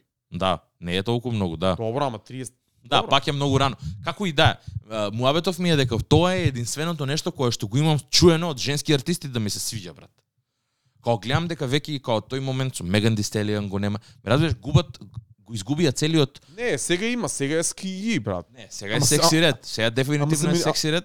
Ама тие глорил, тие се многу брзо забораја, брат. Тоа ти викам, се менуваат одма. Све све многу брзо се смени, брат. Па и секси Следна година се секси ред си Да. иде, брат, ме Да, да, разбираш? Точно. Out of the picture ке, брат. Не бе, и има OnlyFans, има други ствари. Па тоа сам да ти кажам и заради тоа, и заради тоа мислам дека и види. Топе ако Карди би го има сватано тоа дека музик ме разбираш? Као Ама не е Карди би на тоа ниво, брат. Односно, не би требало да биде со еден таков албум позади неа. па Карди би тоа време кога излезе и кога ја пуштавме незината музика и после кога дое ковид, моите очи искрено беше на нивото на нема сега да кажам на Бионс и на Ријана, ама си на не, Она као- пак беше тука некаде Не, со не. Ники. Споредбите Со со Ники, да на пример, беа издржани, реално тоа, тоа сакам направено да кажам као идеше натаки можеше да биде таму. Можеше да биде. Има Ники еден има консистенси и има као цело време. По посебно со фичерс со има еден ме, мега бенгер што ќе остане за стекогаш бенгер, што кој што е Trap Queen, кој што е нешто такво, као има еден бенгер што е certified онака forever ќе биде. Хип хоп бенгер у Бода Кело. Има 3-4 добри песни, 3-4 многу добри фичерс, 3-4 онака албум кат што, на пример како песната I Do, што своевремено имам ставено и на еден микс, што ќе останат онака у хип хопот. Значи има она добар материјал, ама има еден албум, има едно 3-4-5 синглови и 3-4-5 многу добри фичерс и тоа е тоа. И за, и за тоа е на едно ниво, односно на неколку ниво над Фло Мили, Секси Ретит, сите тие. Али не, не, го, не го скокна следното ниво. не го скокна, брат. Тоа ти викам и од друга страна, као ми, ми е ко one off, ме разбираш, посебно мене, посебно сум сум човек кој што поштоја албуми и вакво. Као да, може ти ти вредноеш дека пак ако извади Cardi B песна која што функционира у клуб и стане хит, тебе ќе ти е окей, пошто ти дава песна за да се пушта у хит и тебе ти, мислам, у клуб и тебе ти се свиѓа и можеш да го пушташ тоа. И ќе го ставиш у средата, ама од друга страна, вака, ко кариера гледано, мислам дека онака дирелт, пошто не знам кој е камбекот од ова, брат. Има добар камбек, правење на солиден албум, не форсирање, не, На она, по трендови. секоја цена на трендови, на Песна со кросовер, Ел, Алфа. кросовер Непотребно, ме да, разбираш. Да, Да го искористиш твојот бекграунд. да. А, да биде нешто нормално, да биде нешто убаво за слушање. Вкусно, брат. Бидејќи мене Invasion of Privacy ми е добар албум, брат. Нема сега да зборам тука да, да, да се караме дека требало да земе Греми пред Astro World, ама разбирам зашто го зема. И е сериозен албум, кога го слушаш од првата последна песна, скоро сите песни се добри. Нема да го направам тоа никад. Добри се песните, Не, не, не, окей, не хейтам, не хейтам, ама Значи, само знам дека имаш- не може да е подобар албум од Astro World, тоа знам. Не го нема да го дебатирам, тоа само само да кажам дека има причини зашто е избран. И албумот е добар. Фер. Фер, ама ни треба фалоуап, има многу време пројдено, брат. Многу време има пројдено. Ако требаше, ако требаше, требаше Лани да се извади Многу сум максимално. песимист, брат. Па тоа сам, тоа, па тоа сам да ти 90% кажам, од брат. овие албуми што имаш тука направено ќе ти кажам, ништо не очекувам, не ме интересира дали ќе излезе, не сум возбуден за него. Карди би спаѓа тука. Дефинитивно. Од Карди би почне ми требаат бенгери, брат. Дај ми неколку бенгери да идам да пуштам и тоа е тоа.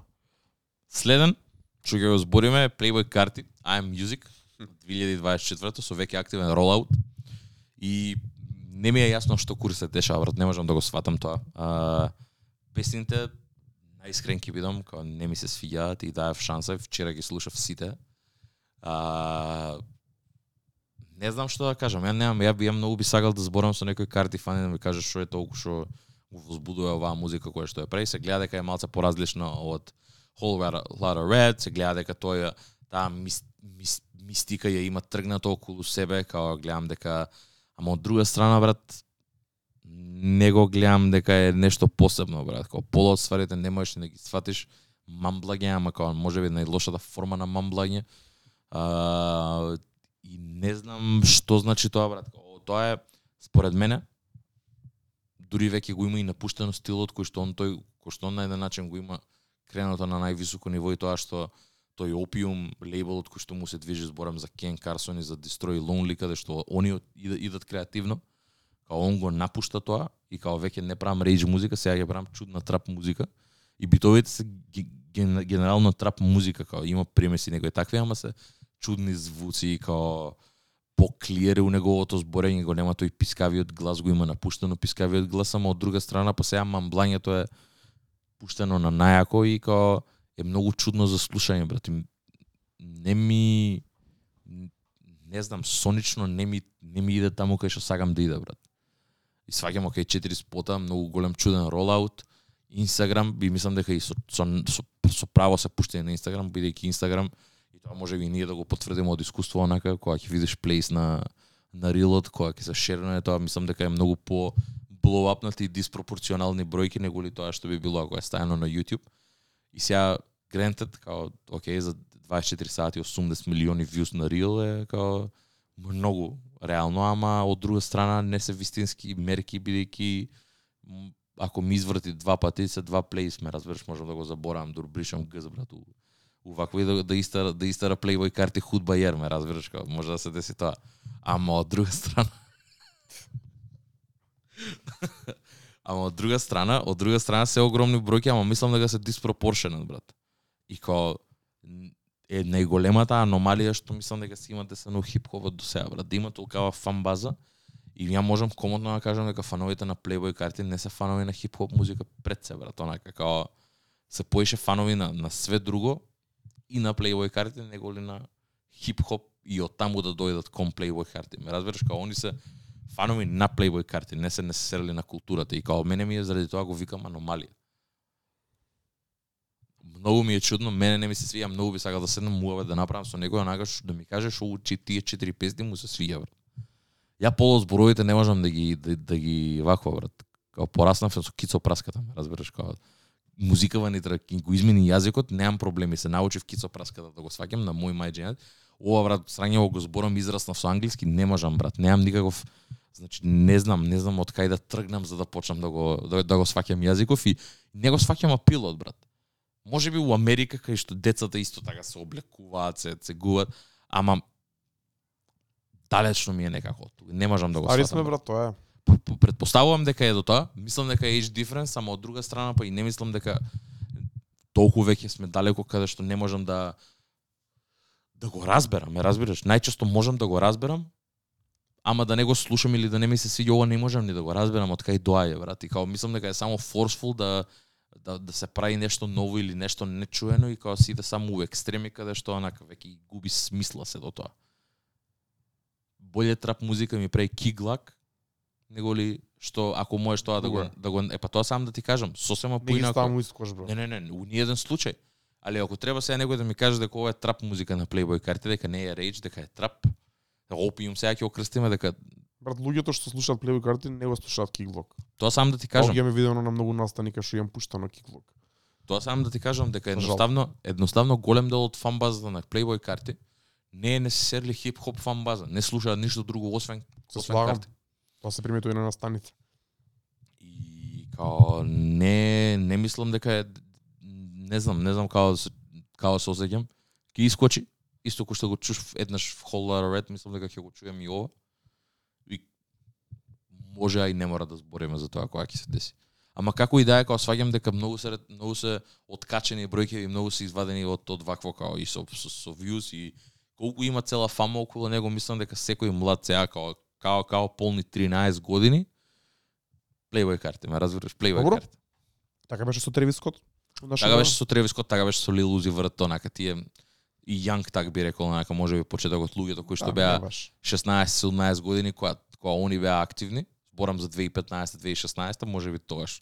Па мислам дека тоаш кога почна, еве конкретно мислам дека го имаме правено муавето со Мана и со Никола, они се таа генерација каде што кога биле 16-17 се појавил Стонер онака и, и Дени Главар, се има појавено од, од Јанг Так. И си имаат закачено многу, пошто Тревис Скот се има 2016 родио, така да тука е тие се годините кога се има светоа дешавано и мислам дека они на пример Таг, лилузи и Тревис ги имаат фатано Ептен Ептен Релиони као од таму кога да почне за нив тоа музичко патување, па они си имаат вратано назад, имаат чуено и за A$AP Rocky што има извадено вакво, ама ме разбираш или за The Weeknd, ама ко на нас што ни беше трап музика као самиот почеток као со A$AP Rocky, мислам дека нив почетокот им беше Young Thug, Travis и так, такви некои артисти кои што онака као тоа им беше почетокот 2015-2014 кога и заради тоа ќе го кажам, ама мене на пример не ми е јасно брат. Не ми е јасно, не можам да сватам. Му давав шанса, ама не е тоа за мене, не е музика која што би ја слушал јас брат. Мене не ми е лошо, брат. Не ти е лошо? Не ми е лошо. Чекам да видам проект, не можам да слушам музика на Reels.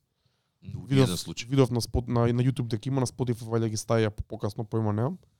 Али да излезе албумот ќе видиме, ама Lotta Red не го прифативме толку добро у ковид, ама мислам дека го издржа тестот на времето и исто така мислам дека ќе остане еден класик албум од новата генерација. Веро, веро. Ама За неговото значење пред се. дефинитивно. Ама пак колку влијаеше на на на, генер, на, на генералниот онака лендскейп на музика, брат. Па нема создаде нов нов жанр сам по себе, така да. Тоа е доволно.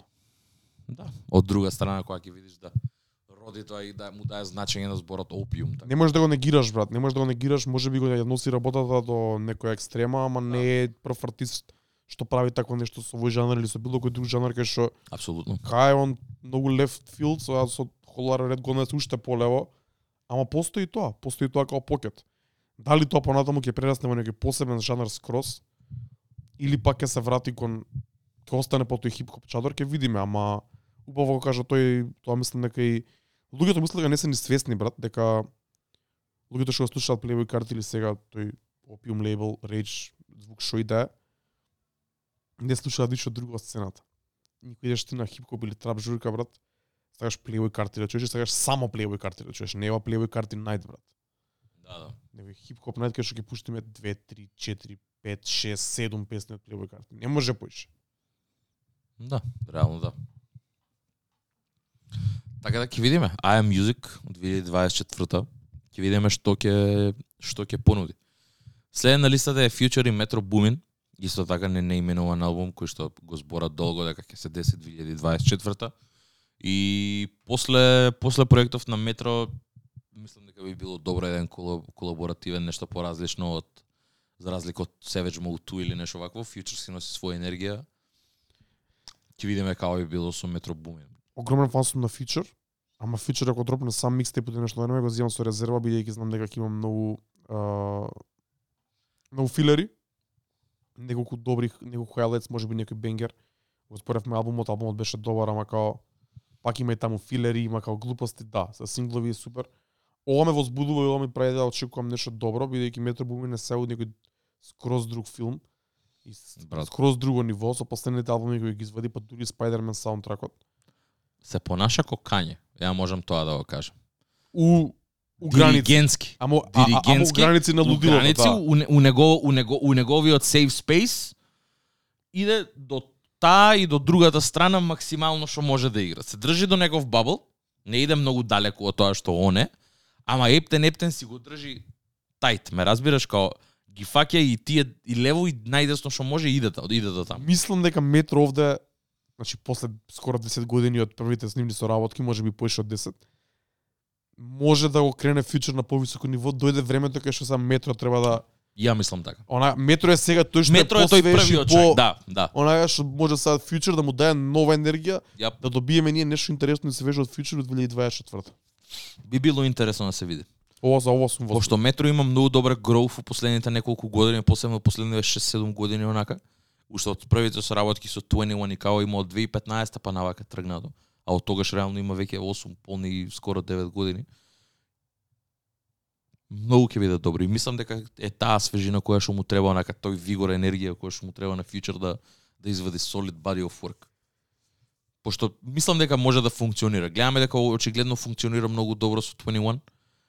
Метро има многу добри соработки со Future и мислам дека као ќе низ цел албум со тие диригентски способности, онака ка стварно ги оркестрира некако и се гледа дека го прави тоа, дека Ептен е тептинту не само за правење битови, туку више стварно се вели продуцент, продуцент и со самиот момент дека има артист профайл и дека Бе, разбираш, као се гледа дека е склон на не само правење битови, туку земање целокупно правење.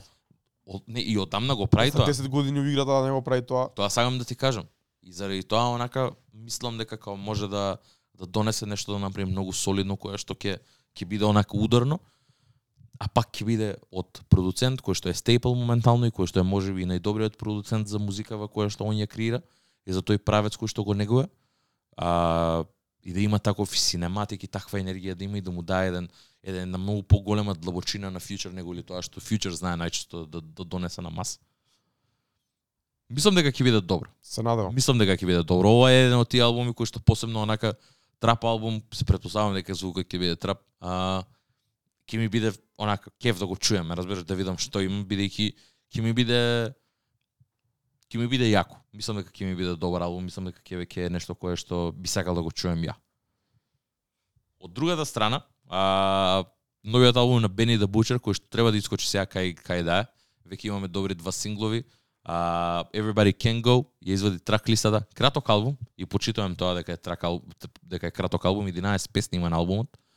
Така да нема да има огромен рантайм, има добри фичерс, стандардни, има некои чудни Babyface Ray со Jadakiss песна има заедно. Има некои вако, ама пак се стандардни тие West Side Gun, Armani Caesar, Conway, Jadakiss, Babyface Ray, uh, Lil. Lil, Lil Wayne го има, uh, Big Dog беше мене ми се свигаше многу добро, Lil Wayne таму рапува А, феноменално. и он се појави на фичер кај кај Two Chainz и Lil Wayne на албумот. да, Опра. А, така да мислам дека ова ќе биде еден по вако посебно дека Бени а, најави дека веќе излегува излегува од тој Гризелда звукот и бара нешто кое што е малце поинакво и си има своја екипа на продуценти земено од позадина и си го тера својот Black Soprano Family филм.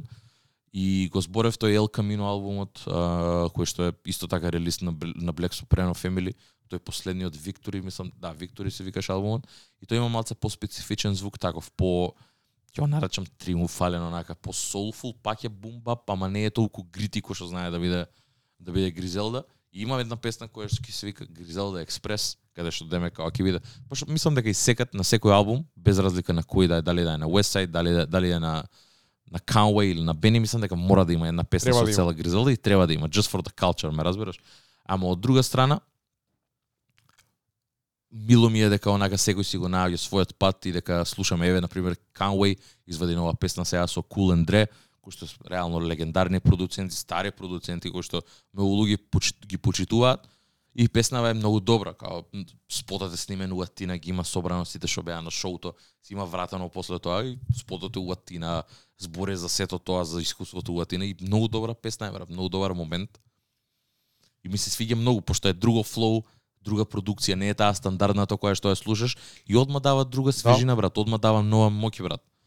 И заради тоа ми се свиѓа Гризелда Кајда моментално, уесайд Side Gun е единствениот кој што се уште си е заглавен, ама нормално. Тоа е останато на него, он да го тера на еден начин Гризелда, бидејќи нема на кој. И мислам дека ќе биде добар добар момент од Бени да видиме нешто друго малце поинакво а, за разлика од од претходното. И ќе видиме како ќе се бидејќи реално Джани Пис Кери имаше феноменална Тейден Ток 3 имаше феноменален онај рич и све, имаше добри моменти. Овде го нема J. Cole сега на, на фичер, нема некој таков ударен ептен. А, ама мислам дека ќе биде многу добро, мислам дека ќе биде многу квалитетно. Добро, ма чеки Lil Wayne не е овде на не е тоа Е, сингл за песната? Сингл, Па добро. Сингл, ама Не, да. не, гледај, не може да не, биде не е како- J. Cole, ама, ама е пак многу добар, многу добар момент, дефинитивно. А, кога сме веќе кај J. Cole, J. Cole, The Fall Off, а, се надам дека ќе го добиеме 2024-та.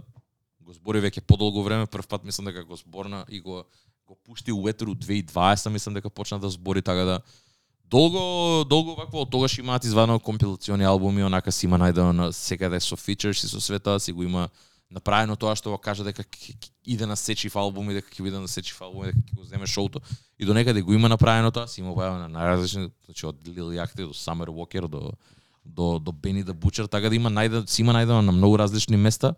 Uh, одличен фичеран бија брат со као со најразлични артисти има соработувано.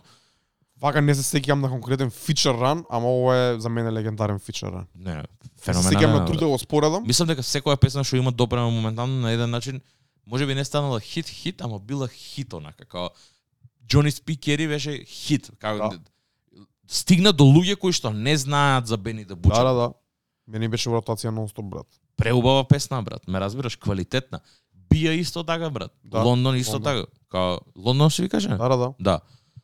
Као, сериозни песни се се до тоа, брат. А уствари шо е само е фичер, брат.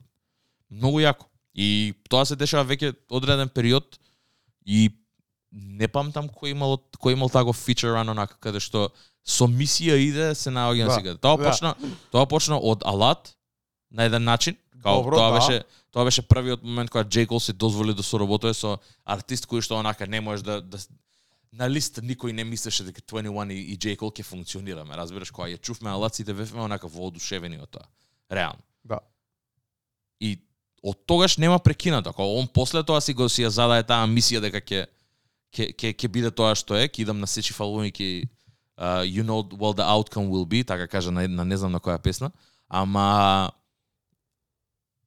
си го направи тој легендарен фичеран брат. Една една една од стварите кои што многу ги почитувам за Джей Кол онака и стварно се надевам дека дека ќе биде пошто на еден начин на тој фичеран треба да му е задача за да може да пише подобро за неговиот албум брат. Барем така кажу у, у емисијата на Лил Yachty.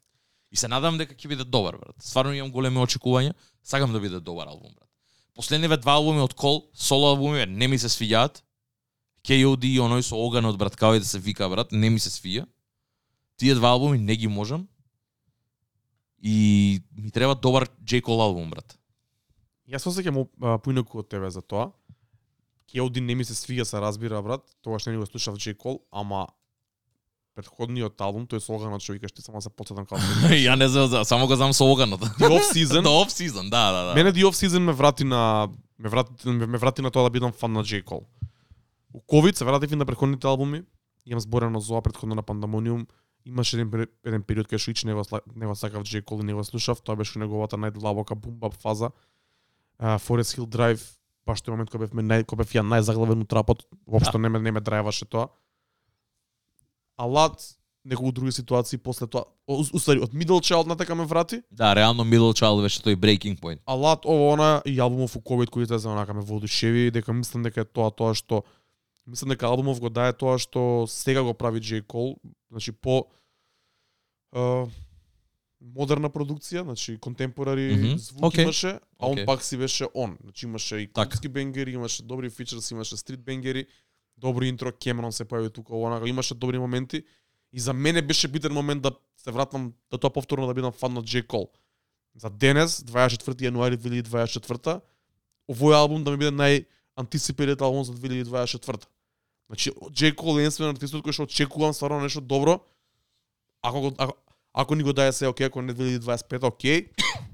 Од него сакам да чујам да видам што има да каже и што има да направи Па да. како OG во играта со неколку легендарни проекти позади себе, али малце доста поинаков ран од неговите контемпорари како Дрейк и како, како Кендрик, кои да речеме го, го достигнале пикот веќе, Джей Кол има достигнато својот пик, ама ова може да е неговиот неговиот пик. Маратонот што Да. го трча да му се Да. сплати онака после 15 години да биде онака он најголемото нешто моментот. Океј, фер. Да. Дека има потенцијал да го направи тоа, Има. дека ама тука е битно колку ќе колку ќе успее да допре албумот до пошироката маса. Значи да не е само за фановите на Кол, да не е само за хип-хоп фановите, да не е само за хип-хоп нердовите и интернет музичките нердови, ние- кои сме ние, ама само тие што се на интернет. Нема да, да, да има да има, значи да има нешто да е што се опфатен во ствари. да има нешто за сите, да има нешто за девојките, не мора да е во клуб, може да е на радио, да има момент ко Summer Walker, да има момент ко Middle Child, да. да има момент за не мора да се улиците, улиците, ама И мислам дека фичер ранот ќе е олицетворение на тоа што и он вистински спрема и за неговиот Гледај, тоа ни албум. треба, брат. Тоа ни треба нас, тоа, тоа му треба на него. Значи ни Да. треба еден комплетен албум кој што ќе Реално да. има од се по нешто. Сигурно ќе има фичер од Дрейк.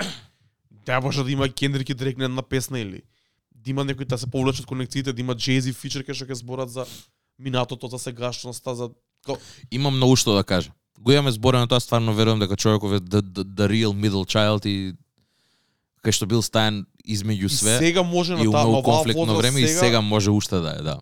на оваа возраст сега мислам дека може од баш од таа најдобра перспектива као више созрено од оваа генерација, со голем респект од постарите, со голема генерација од 10, може би 10 години, онака 10 генерации на луѓе што се фанови, што се негови големи фанови, да направи музика што ќе биде онака сопфатно за за хип-хопот што ќе биде као е да, ова е тоа што ни требаше. Нешто слично кој што вадеше Лил Уейн можда почетокот на, на 2010-тите или Кање почетокот средината на 2010-тите кој што имаше огромна онака огромна фан база и огромно искуство поминато со работа со артисти и со вадење на музика во претходните години, а направи нешто што беше актуелно моментот и што остана за војтнината. Мислам дека Джей Кол ова е тој момент кај што он би можел да го направи тоа се надам дека ќе го направи тоа брат. Се надам стварно, мислам дека има добра многу добра подлога и мислам дека нема да извади нешто кое што и тој сам нема да биде задоволен и мислам дека целиов пошто реално и он тоа го има сватено валја ако некое патување сега моментално што му се дешава и со фичер со фичеранот и све тоа дека си бара челенџес и мислам дека има многу што да каже. Тие сите да поенти што ги каже уствари тие сите да моменти кои што ги има искусено и му се имаат десено и позициите кои што и биде биле стан. И ако се деси на пример тој тој момент со Джейзи да може да го врати да се направи муавет за целиот тој за а стари зборени за сите тие моменти кои што он ги има зборено во други во други форми ќе биде многу јако. Пошто реално има веќе што да каже брат, може да стане да, да се каче онака на на ричето и да погледа да, да погледа онака што све се дешава. Може од друга перспектива да од, сво- од своја брат. собствена, ама онака да, широк спектар на гледиште и да збори за све свашто за неговите искуства, брат. Пошто има веќе многу што да каже, брат. Има искусено многу работи и лейбл оунер и, и, и, и има свој фестивал и све тоа, мислам дека како многу многу многу работа има да каже.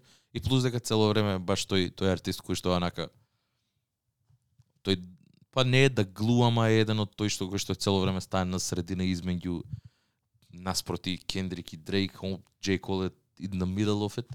Цело време и баш и заради тоа многу ја сакам first person shooter за тоа што е брат, дека конечно за прв пат се се збори за тоа. Јавно се збори за Кендрик, ама мислам Джейкол, јавно го збори за тоа како зашто да треба да одберам од нив двајца еден, кој кој е подобар или зашто не може двајца да, да бидат тоа, зашто не смееме да бидеме тројца. И стварно е така, ме разбереш и како Джейкол е од секогаш бил ставен во таква позиција, пошто и сам си го има навраено тоа, нормално си имал и како првиот албум му бил таков radio friendly, па после си има вратено, па си има вратено на своето, си го има задржано интегритетот. И луѓе го сакаат за тоа што и стварно е стаено права позиција кај што може да го направи тоа. И се надам, сакам добар албум, брат. Сакам комплетен албум, онака, со причи, со све, со... Па и некој бенгерче нека има и све тоа да има нека бенгер, мора да има бенгер брат. Ма Мора да има бенгер за да има од се ротација во клубови, мора да има. Дефинитивно, мислам дека го свати тоа со го, го, го свати тоа и со тие негови feature runs и плюс да не да не забораваме The London, што е другано со Young так и со со Травис. Има и некои такви моменти кои што знае колку колку треба да биде у клуб пуштан брат. Ја, ја знае важноста на тоа колку е усвари битно да се ротација не само дома у спални, туку на секаде, ме разбираш или у слушалки. туку и да си пуштан на големи места каде што ќе може и на пример и тоа се деси и со со D-Day, со со самиот микстейп кој има таму некои такви бенгери кои Фестивалски. намерно фестивалски Да, да, направени. да. Така да добро е. И Има, има два многу добри фичерс на албумот на Бас, албум кој треба да спомнеме во некој Уште уште го немам убаво преслушано, ама видов дека J Cole има ту ту се таму. многу добри. Ке ке треба да го чуем. Бас и J Cole имаат феноменален ран исто заедно, онака имаат многу добри песни низ времево. А и Бас е еден од тие кои што онака е многу исто така Dreamville артист, ама чуден ми е, ама добар ми е мене. Мене Бас ми се свија. Специфичен и уникатен. Специфичен и уникатен е, дефинитивно. Има големо влијание, ги имам спомнат ова, неговиот брат е DJ Мома, луѓето кои се еден од еден од основачите на Everyday People, еден од најпопуларните журки во Америка, која промовира нов афробит, R&B, dancehall, ама пиано звук. И тоа влијание и од брат му, знам дека беа на патување заедно во Јужна Америка овона. Со секи тоа влијание тука многу експериментира со со звуци, има некој такво аптемпо, некој ама пиано, некои такви летни звуци, малце афробит. Треба да се чуе. со Адекун Голд, као има има интересни ствари што Треба да се чуе.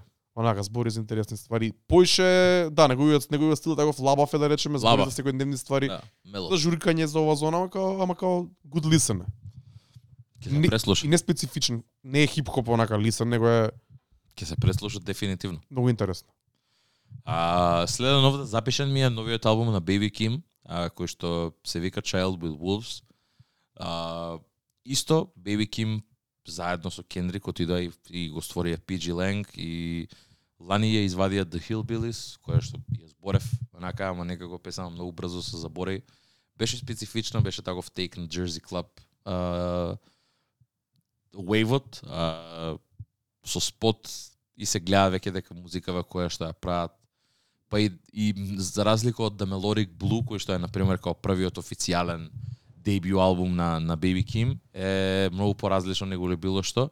И сега, знаеки го Baby Kim, јас сум фан на Baby Kim, огромен, у смисла, мене ми се свиѓаат старите ствари од Baby Kim, стварите со Кардо, ми се свиѓаат многу тие, као Orange Soda, уште ми е феноменална песна, ме разбираш, и мрсниот, и гнасниот Baby Kim, мене ми е топ, брат. И сагам да видам кај кај ќе иде сонично. Ми се свиѓа ми, ми, мислам мене бебики ми се свиѓа дуре как ти. Некои такви тие тие помрсните ствари многу ми се свиѓаат од од Baby Мошпит.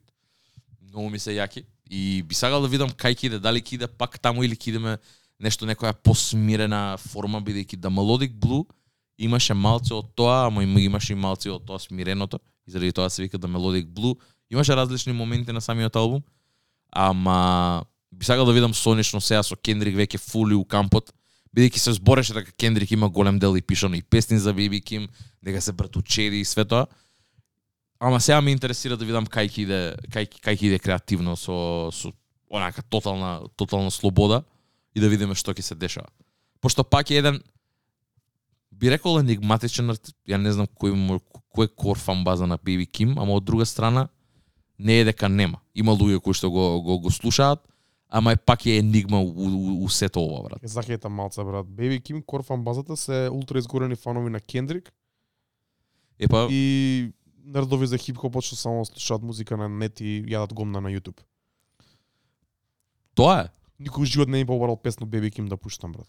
Во тоа само да ти кажам. слушнал негде. А на пример мене ми се свиѓа, јас се навраќам на старите ствари, на, на старите ствари многу брат. А Baby Kim почнав да го слушам некаде околу 2019, пошто знам дека на првата селекција уопште што имавме, Kim ми се најде со Orange Soda, брат. Зборевме за неа. И тоа уште беше така неколку месеци стара. Така да ќе видиме, а не знам не знам што носи, не знам има ништо не ми кажува, така да ќе видиме ќе видиме кај ќе иде, ама Baby Kim, а, Child Wolves е еден од албумите кои што треба да искочи од 2024 Следен албум, ова е мој пик, ја го пишав овде, Boldy James и J Dilla, Drug Dealer. Нема нешто многу да зборам, ова е Детройт конекција. Болди Джеймс, мислам дека веќе повеќето луѓе го знаат. Артист кој што е подпишан за Гризелда, потекнува од Детройт и си има свој таков моментум каде што вади музика онака премногу, завчера извади еден албум со Николас Крейвен, ама секад кога ќе прочиташ Джей Дила е као онака ми доаѓа ми, ми, се, ми, се, ми се грее душата. Февруари е Джей Дила month, па може би мислам дека е, е, е на мене да биде изваден за J Dilla month, пошто 2 февруари е Dilla Day, ако не се лажам.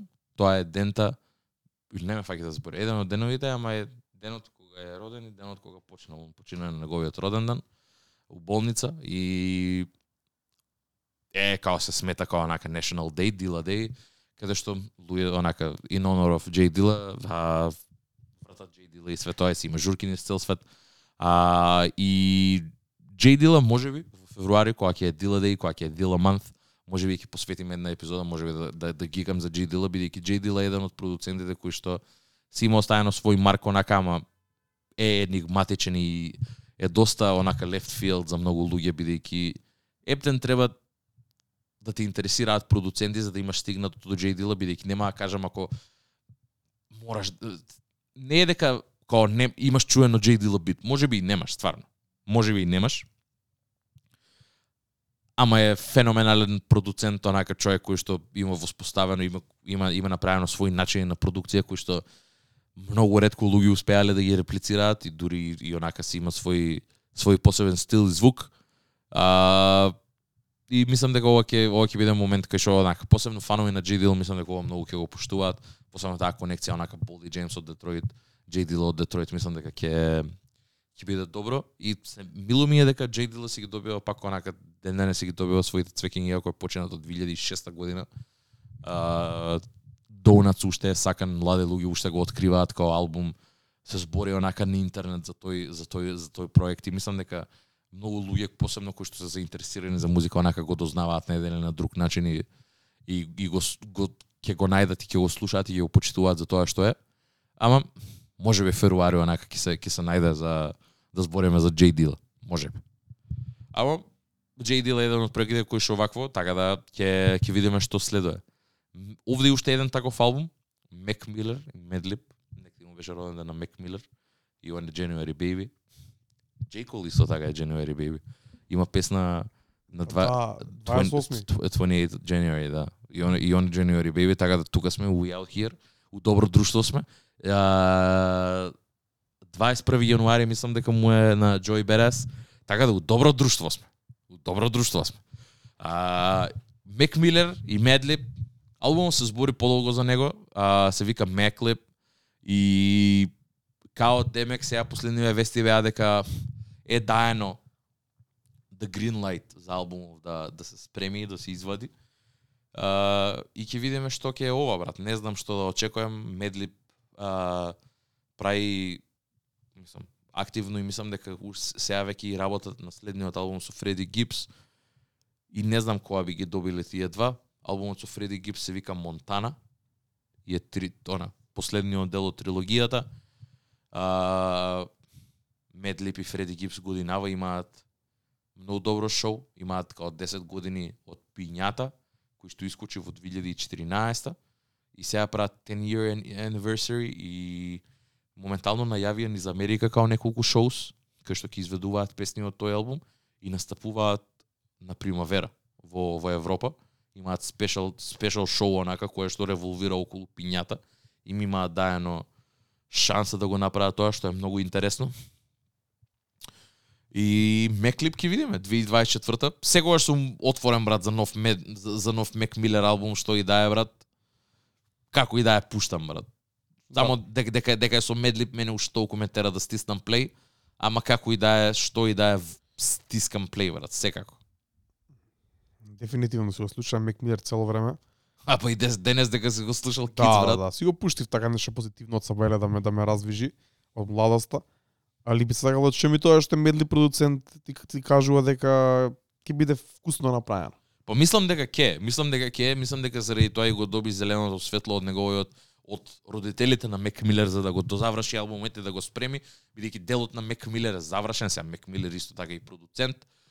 Ама веќе е све префрлено у раците на Медлип за да го склопи тоа и да да да го да го издаде се до тоа и така да нема уште датум а, кога ќе биде, ама се надам дека ќе биде за брзо. Скепта, Knife and Fork.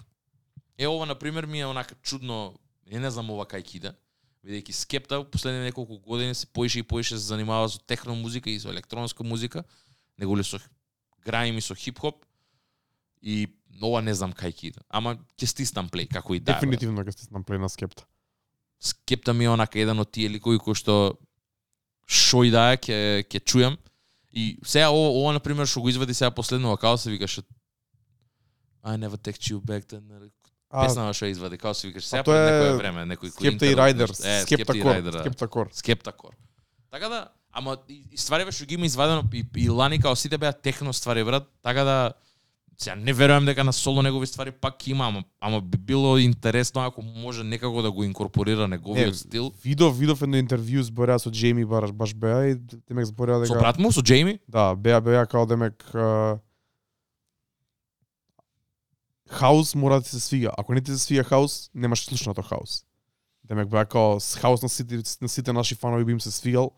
Ово онако со тој, ако со тој вајп, ако со тој британски интернационален хаус, ќе биде многу јако ако излезе ова така. Сагам да чујам брат. Ме интересира искрено. Скепта е човекот кој што може да извади и онака и на, на претходните албуми имаше онакави а, гараж ствари кои што многу ми се Би било, свиѓа. не би било техно, би било послично со гараж. Денес што не ме го кажеш техно, се мисли на најптен брзо и мрачно техно што го слушаат младите. Да. Ова е нешто друго, ова е многу со поише грув, ова е многу послично на гараж отколку до кога се каже техно Да. денешно време, Да, бар да. тоа што мене углавам и ја мислам дека и на луѓето им е тоа. Поише дека хаос и гараж. Ама како и да е, стискам плей. Ова сакам да чујам брат. На FM Fork не знам што значи, ама сакам да видам што ќе што ќе биде ова брат, дефинитивно. Ќе видиме. Скепта 2024 исто нема изваден албум доста време, мислам онака албум албум. А, после му беше тоа EP-то кој што се најде оваа песна со J Balvin.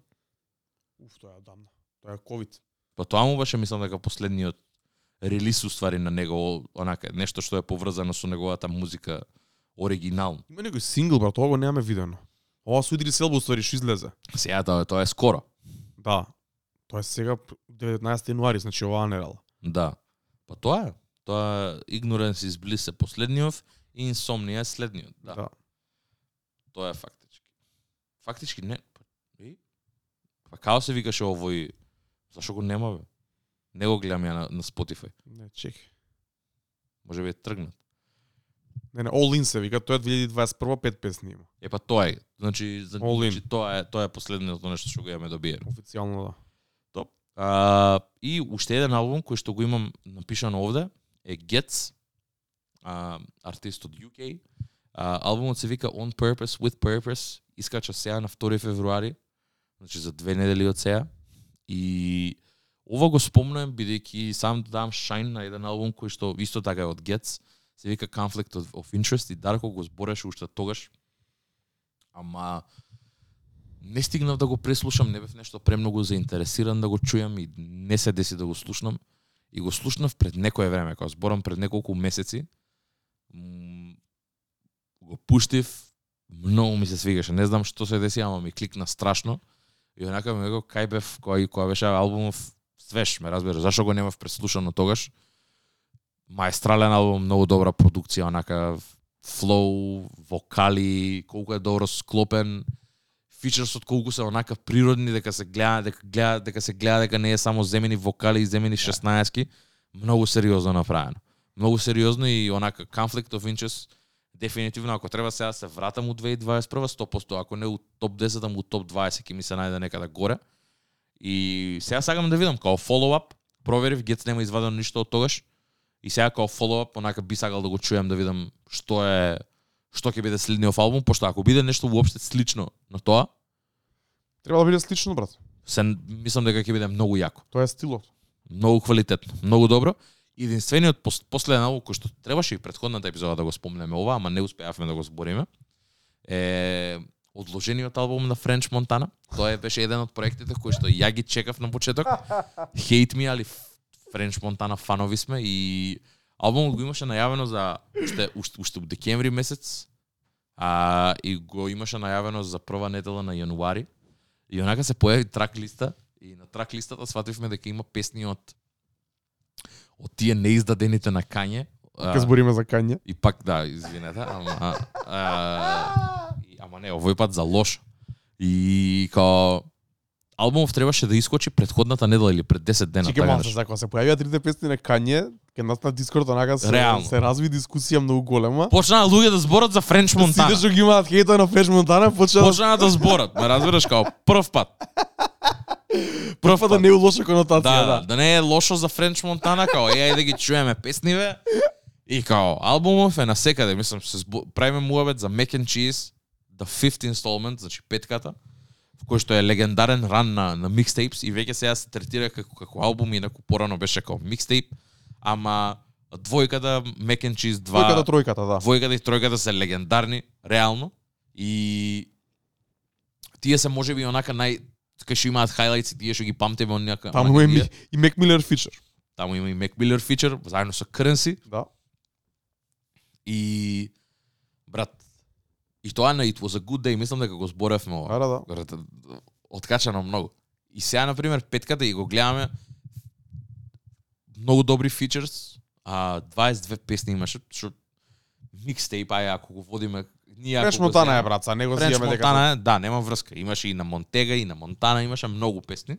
Ама тие три песни беа од Kanye West, брат. Се гледаше дека, мислам, Apple се гледа дека тие се тие песни кои што ги има земено од Kanye West.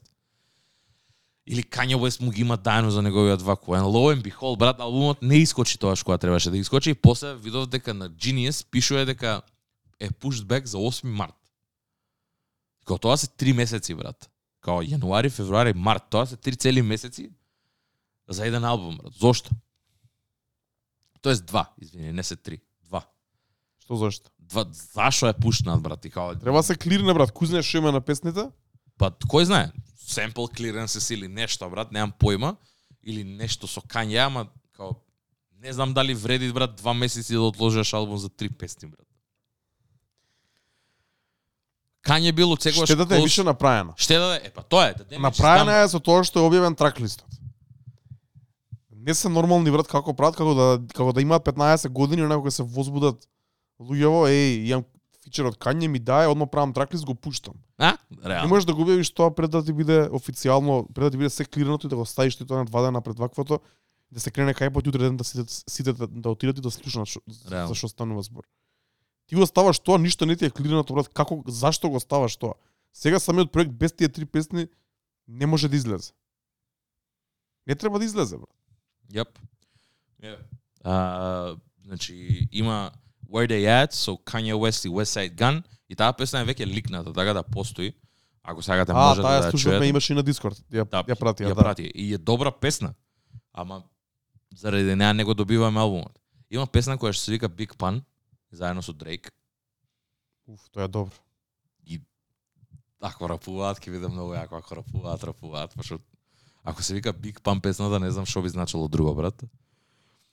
Има песна со Jeremiah и Party Next Door. Секси? Секси, 100%. Има песна со Lil Durk, Не. Generic. 88, ATL Jacob го има и со Lil Baby. Океј, таа веќе ја знаеме. Ја знаеме, мене ми се свига таа песна. Мене ми окей, да. А, Крис Браун, Капела Грей, предпоставам дека ова е R&B кат.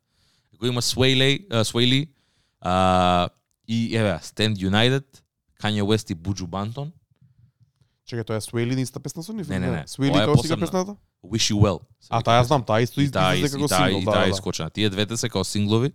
Stand United, Kanye West и Буджу Бантон, Ова значи со реги елементи. 100%. Ова ќе биде многу лудо, брат. Па и тоа е добро. И уште една песна, значи четири песни се брат. Не, три се, тие се уствари, да. И уште една песна а, со Kanye West, Flowers, Kanye West and Rich the Kid, брат. Значи Kanye го има исто Е, така и Rich the. Kid вратано, брат. Ова е и чудно. песната искочи. Ако сакаш можеш да ја чуеш, постои. И е многу добра. Rich the Kid многу добро рапува, брат. Не се не заебавам. Многу добро звучи, брат. Е, Rich the Kid го немам слушано, брат, од 2014 година кога беше актуелен. Кога се викаше песната од Rich the Не, Kid? не, 2016-17. Не. Да, бе, брат, тоа е SoundCloud ерата заедно со не е Comic One. Ја, ја, јас, јас Kwan. Добро, добро, добро, добро. Не, Добро. Рич да ките тука после Rich the Kid е со со New со Freezer со до добро, добро, добро. 2016, 2017 е тоа. Да, да, да, да. Не, Rich Comic One Океј, е океј. друго, брат. Со чекај. Famous Dex тоа време искочи Да. они заедно Рич да Кит. Рич да Кит уствари го имаме гледано уживо, нели? Рич да Кит беше опенер за Future кога ние бевме 2016. Па можно е, да. Да, Рич да Кит беше човекот кој што да, да, Стеф Лондон и Рич да Кит отвара за за за Future. Не сум возбуден за тоа. Rich Comic One да беше ќе беше друго. Rich Comic One ти мислиш на лайфстайл. да, да, да, Со да, Young да, Thug. да. А, како и да е, заради овие три песни целиот проект не искача, на папир не изгледа толку лош. Ама на папир не искача, не, не звучат многу лошо и песните кои што се туга брат, као песната со Буџу Бантон, тоа онака као многу добро ми личи на Две насоки може да иде тоа. Може да иде нешто као Кање продукција, као Figure It Out, као нешто као Кање Кад, има Бучу Банто само као врз, или да иде некоја варијанта као на DJ Khaled реге, а, реге катовите што ги има на албумите, што таа би била полошата варијанта. Многу боле ќе биде нешто биде као некој таков покласичен бум бапиш звук, кај што ќе влезе и ќе и ќе рока или на рефрен или на врски има кај што ќе тоа на легенда. сега сум за Френч Монтана, Френч Монтана кога и да вади ќе слушам. Лани исто го дропна на истиот датум на 5, односно како што требаше да дропне на 5 јануари, јас се сеќам бев у Солун, трчав и го слушав проектот. Имаше беше создаден од Вадела нели, Јап. Негов и И го зборевме овде. Еден Го од зборевме една, една овде. од првите епизоди од Да, го 2024. спорев овде, ништо не остана од тој од тој проект, ама нема врска. Ова ова мислам дека има по- поголем потенцијал за остане во ротација бидејќи тоа таму се као стрит бенгери, клубски бенгери Да, тоа беше тоа, тоа да. беше и плюс и плюс од DJ Drama Host, онака тоа беше Apple Mixtape каде што беше поише за неговиот за неговиот лейбл, тој што е и неговиот генг, значи Chinks и сите тие ни- нивни affiliates кои што онака немаа ни Spotify профил. Ама Да, да. Ова е ова е нешто друго, ова би имало би имало потенцијал за ротација. ова има потенцијал, посебно има такви интереси, има песна со JID, има песна со Offset. Интересно звучи брат. Вака на папир интересно звучи долке, гледа се гледа дека е 21 или 22 песнија, ама и со тие три од Kanye Included, брат, као не знам брат, извади го и после само стаи ги делукс брат, као Не, не, не, не. Разбираш, три Kanye features имаш брат, три песни се од Kanye, веќе ги знаеме тие песни, скочени се сите во интернет. Не ги знаеме, не, не, не, не, не, брат, грешка си, значи луѓето не слушаат музика што слушате вие екипата од Дискорд. Не, не, не. Ја не, Ја не слушам Ликс, брат. Па тоа ти Ја не слушам Значи, Ликс, ги брат. Немаме да чуено. Немој да не, Ја чув само дека ја пратија дека беше Френч, да. Westside Слушнав и јас и. Кања брат. Ме почеша онака, стварно ме Да, ме, ме ама гулицкаши, морав да знам брат. Мораше брат. не, Не, ама не ти слушам Ликс брат. Ама сега да кажам дека луѓето не ја немаат чуени, треба да се извади како што треба. Ама најлошо ќе биде ако го постпон два месеци ако пак не искочи нешто од нив. Тоа е Да, лошо. тоаш нема смисла брат. Тоаш нема смисла.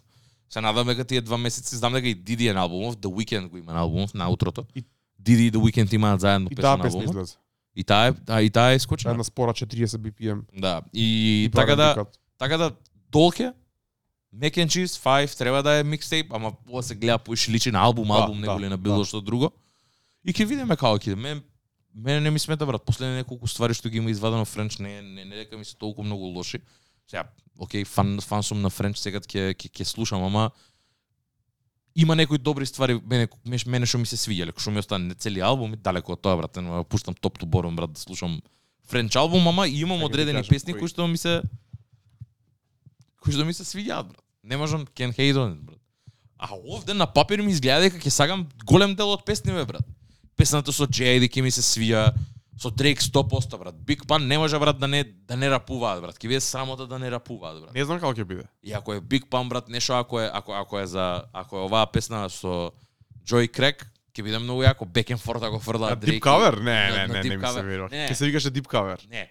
Види, не, не дека ќе биде семпл, семпл на Deep Cover, ама у смисла тоа ме асоцира, брат. Сега Не, не. нема да биде Ај на плеја нема да биде, Не. брат. Нема да се вика Big Pana да биде нешто такво од тие латино глупости Јас да мислам дека ќе биде такво нешто. Такво мислиш дека ќе биде со некој таков звук.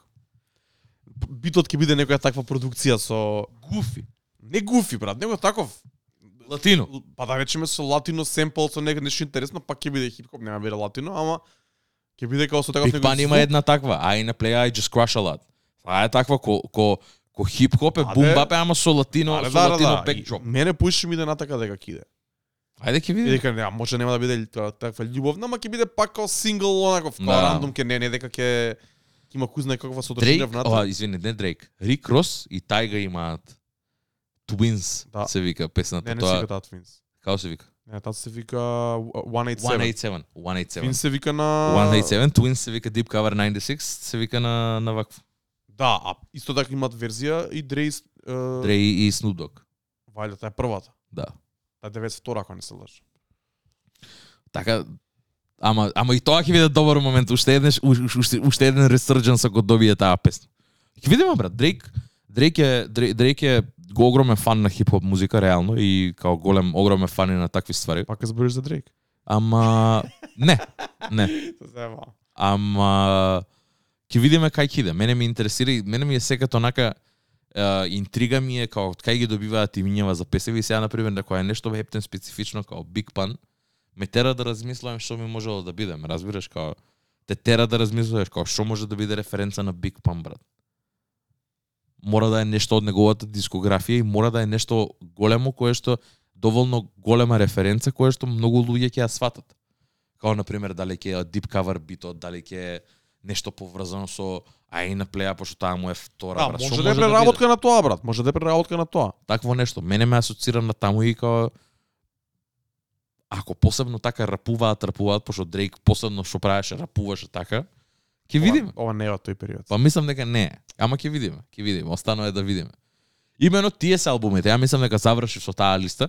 Може би нешто испуштив, луѓе слободно може да ни пишат онака за некои нивни албуми кои што он- онака се антисипери до 2024 И голем број од албуми што ги спомнав онака не е дека и не се седли едва ги чекам да да вакво, не не мислам дека чекам некој, ама ќе ги чуем. Без разлика на тоа како се чувствувам, на пример, дури Playboy Playboy карти би го пуштил, би Сигурно го ќе мора слушал, да го чуем. Да го чуем, го пуштив тоаш и и Whole Lotta Red морав, едноставно Тоа што за ми го културата дужиме на луѓето е ревју на Утопија, брат. Го дужиме тоа. Слушам некои подкасти, слушам некои луѓе што зборат по интернет како тој албум Баш дека вчера, ќе баш остане вчера искочи спотот за I know. дека ќе остане. Но ова е песната што мене ми остана бару ротација. А Ама и почна, мислам, се, ја последниот пат кога бе во станица ја сврт, ја пушти. на крај не верам. Да. Да, да, да. Или opening или closing дефинитивно. Добра песна е за closing. Дужиме, дужиме ревју на Утопија, бидејќи за многу луѓе тоа беше албумот на годината, оваа година. Тоа се види кај нас на Дискорд. Треба да го даеме, да го преслушаме, не мора одма, ама може би следниот период мислам дека го дужиме тоа, брат. Може да го направиме тоа. Му се неам вратено, стварно. Имам слушано две-три песни пак од таму, ама му се неам вратено на цел албум, онака. И не знам кој си има вратено на тој албум, брат. Не знам дали, дали доволно се збори, не знам дали се... Може би треба некој да дојде тука да ни каже што е толку добро за албумот. Ајде. Така? Би сакал, би сакал би ја. сакал, би сакал. Слично како со Whole Lotta Red. Кога зборевме со луѓе на Зума кои те текнува од младата генерација што се пуштија. Тоа беа добри моменти, тоа беа чудни времења, дефинитивно онака. Многу поразлично од сега. Пепте. Треба на два сати сме, брат. Мислам дека сме добри, нема да стигнеме да, да, да ја Да. даваме таа Ја, ја паралела. дужиме таа таа тема за следен пат. Дефинитивно. Ама мислам дека 2024, 2023-та нека го почна бавно, ама нека го после it picked up the pace и мислам дека из... имаше многу добра музика и многу квалитетна музика и многу музика пред.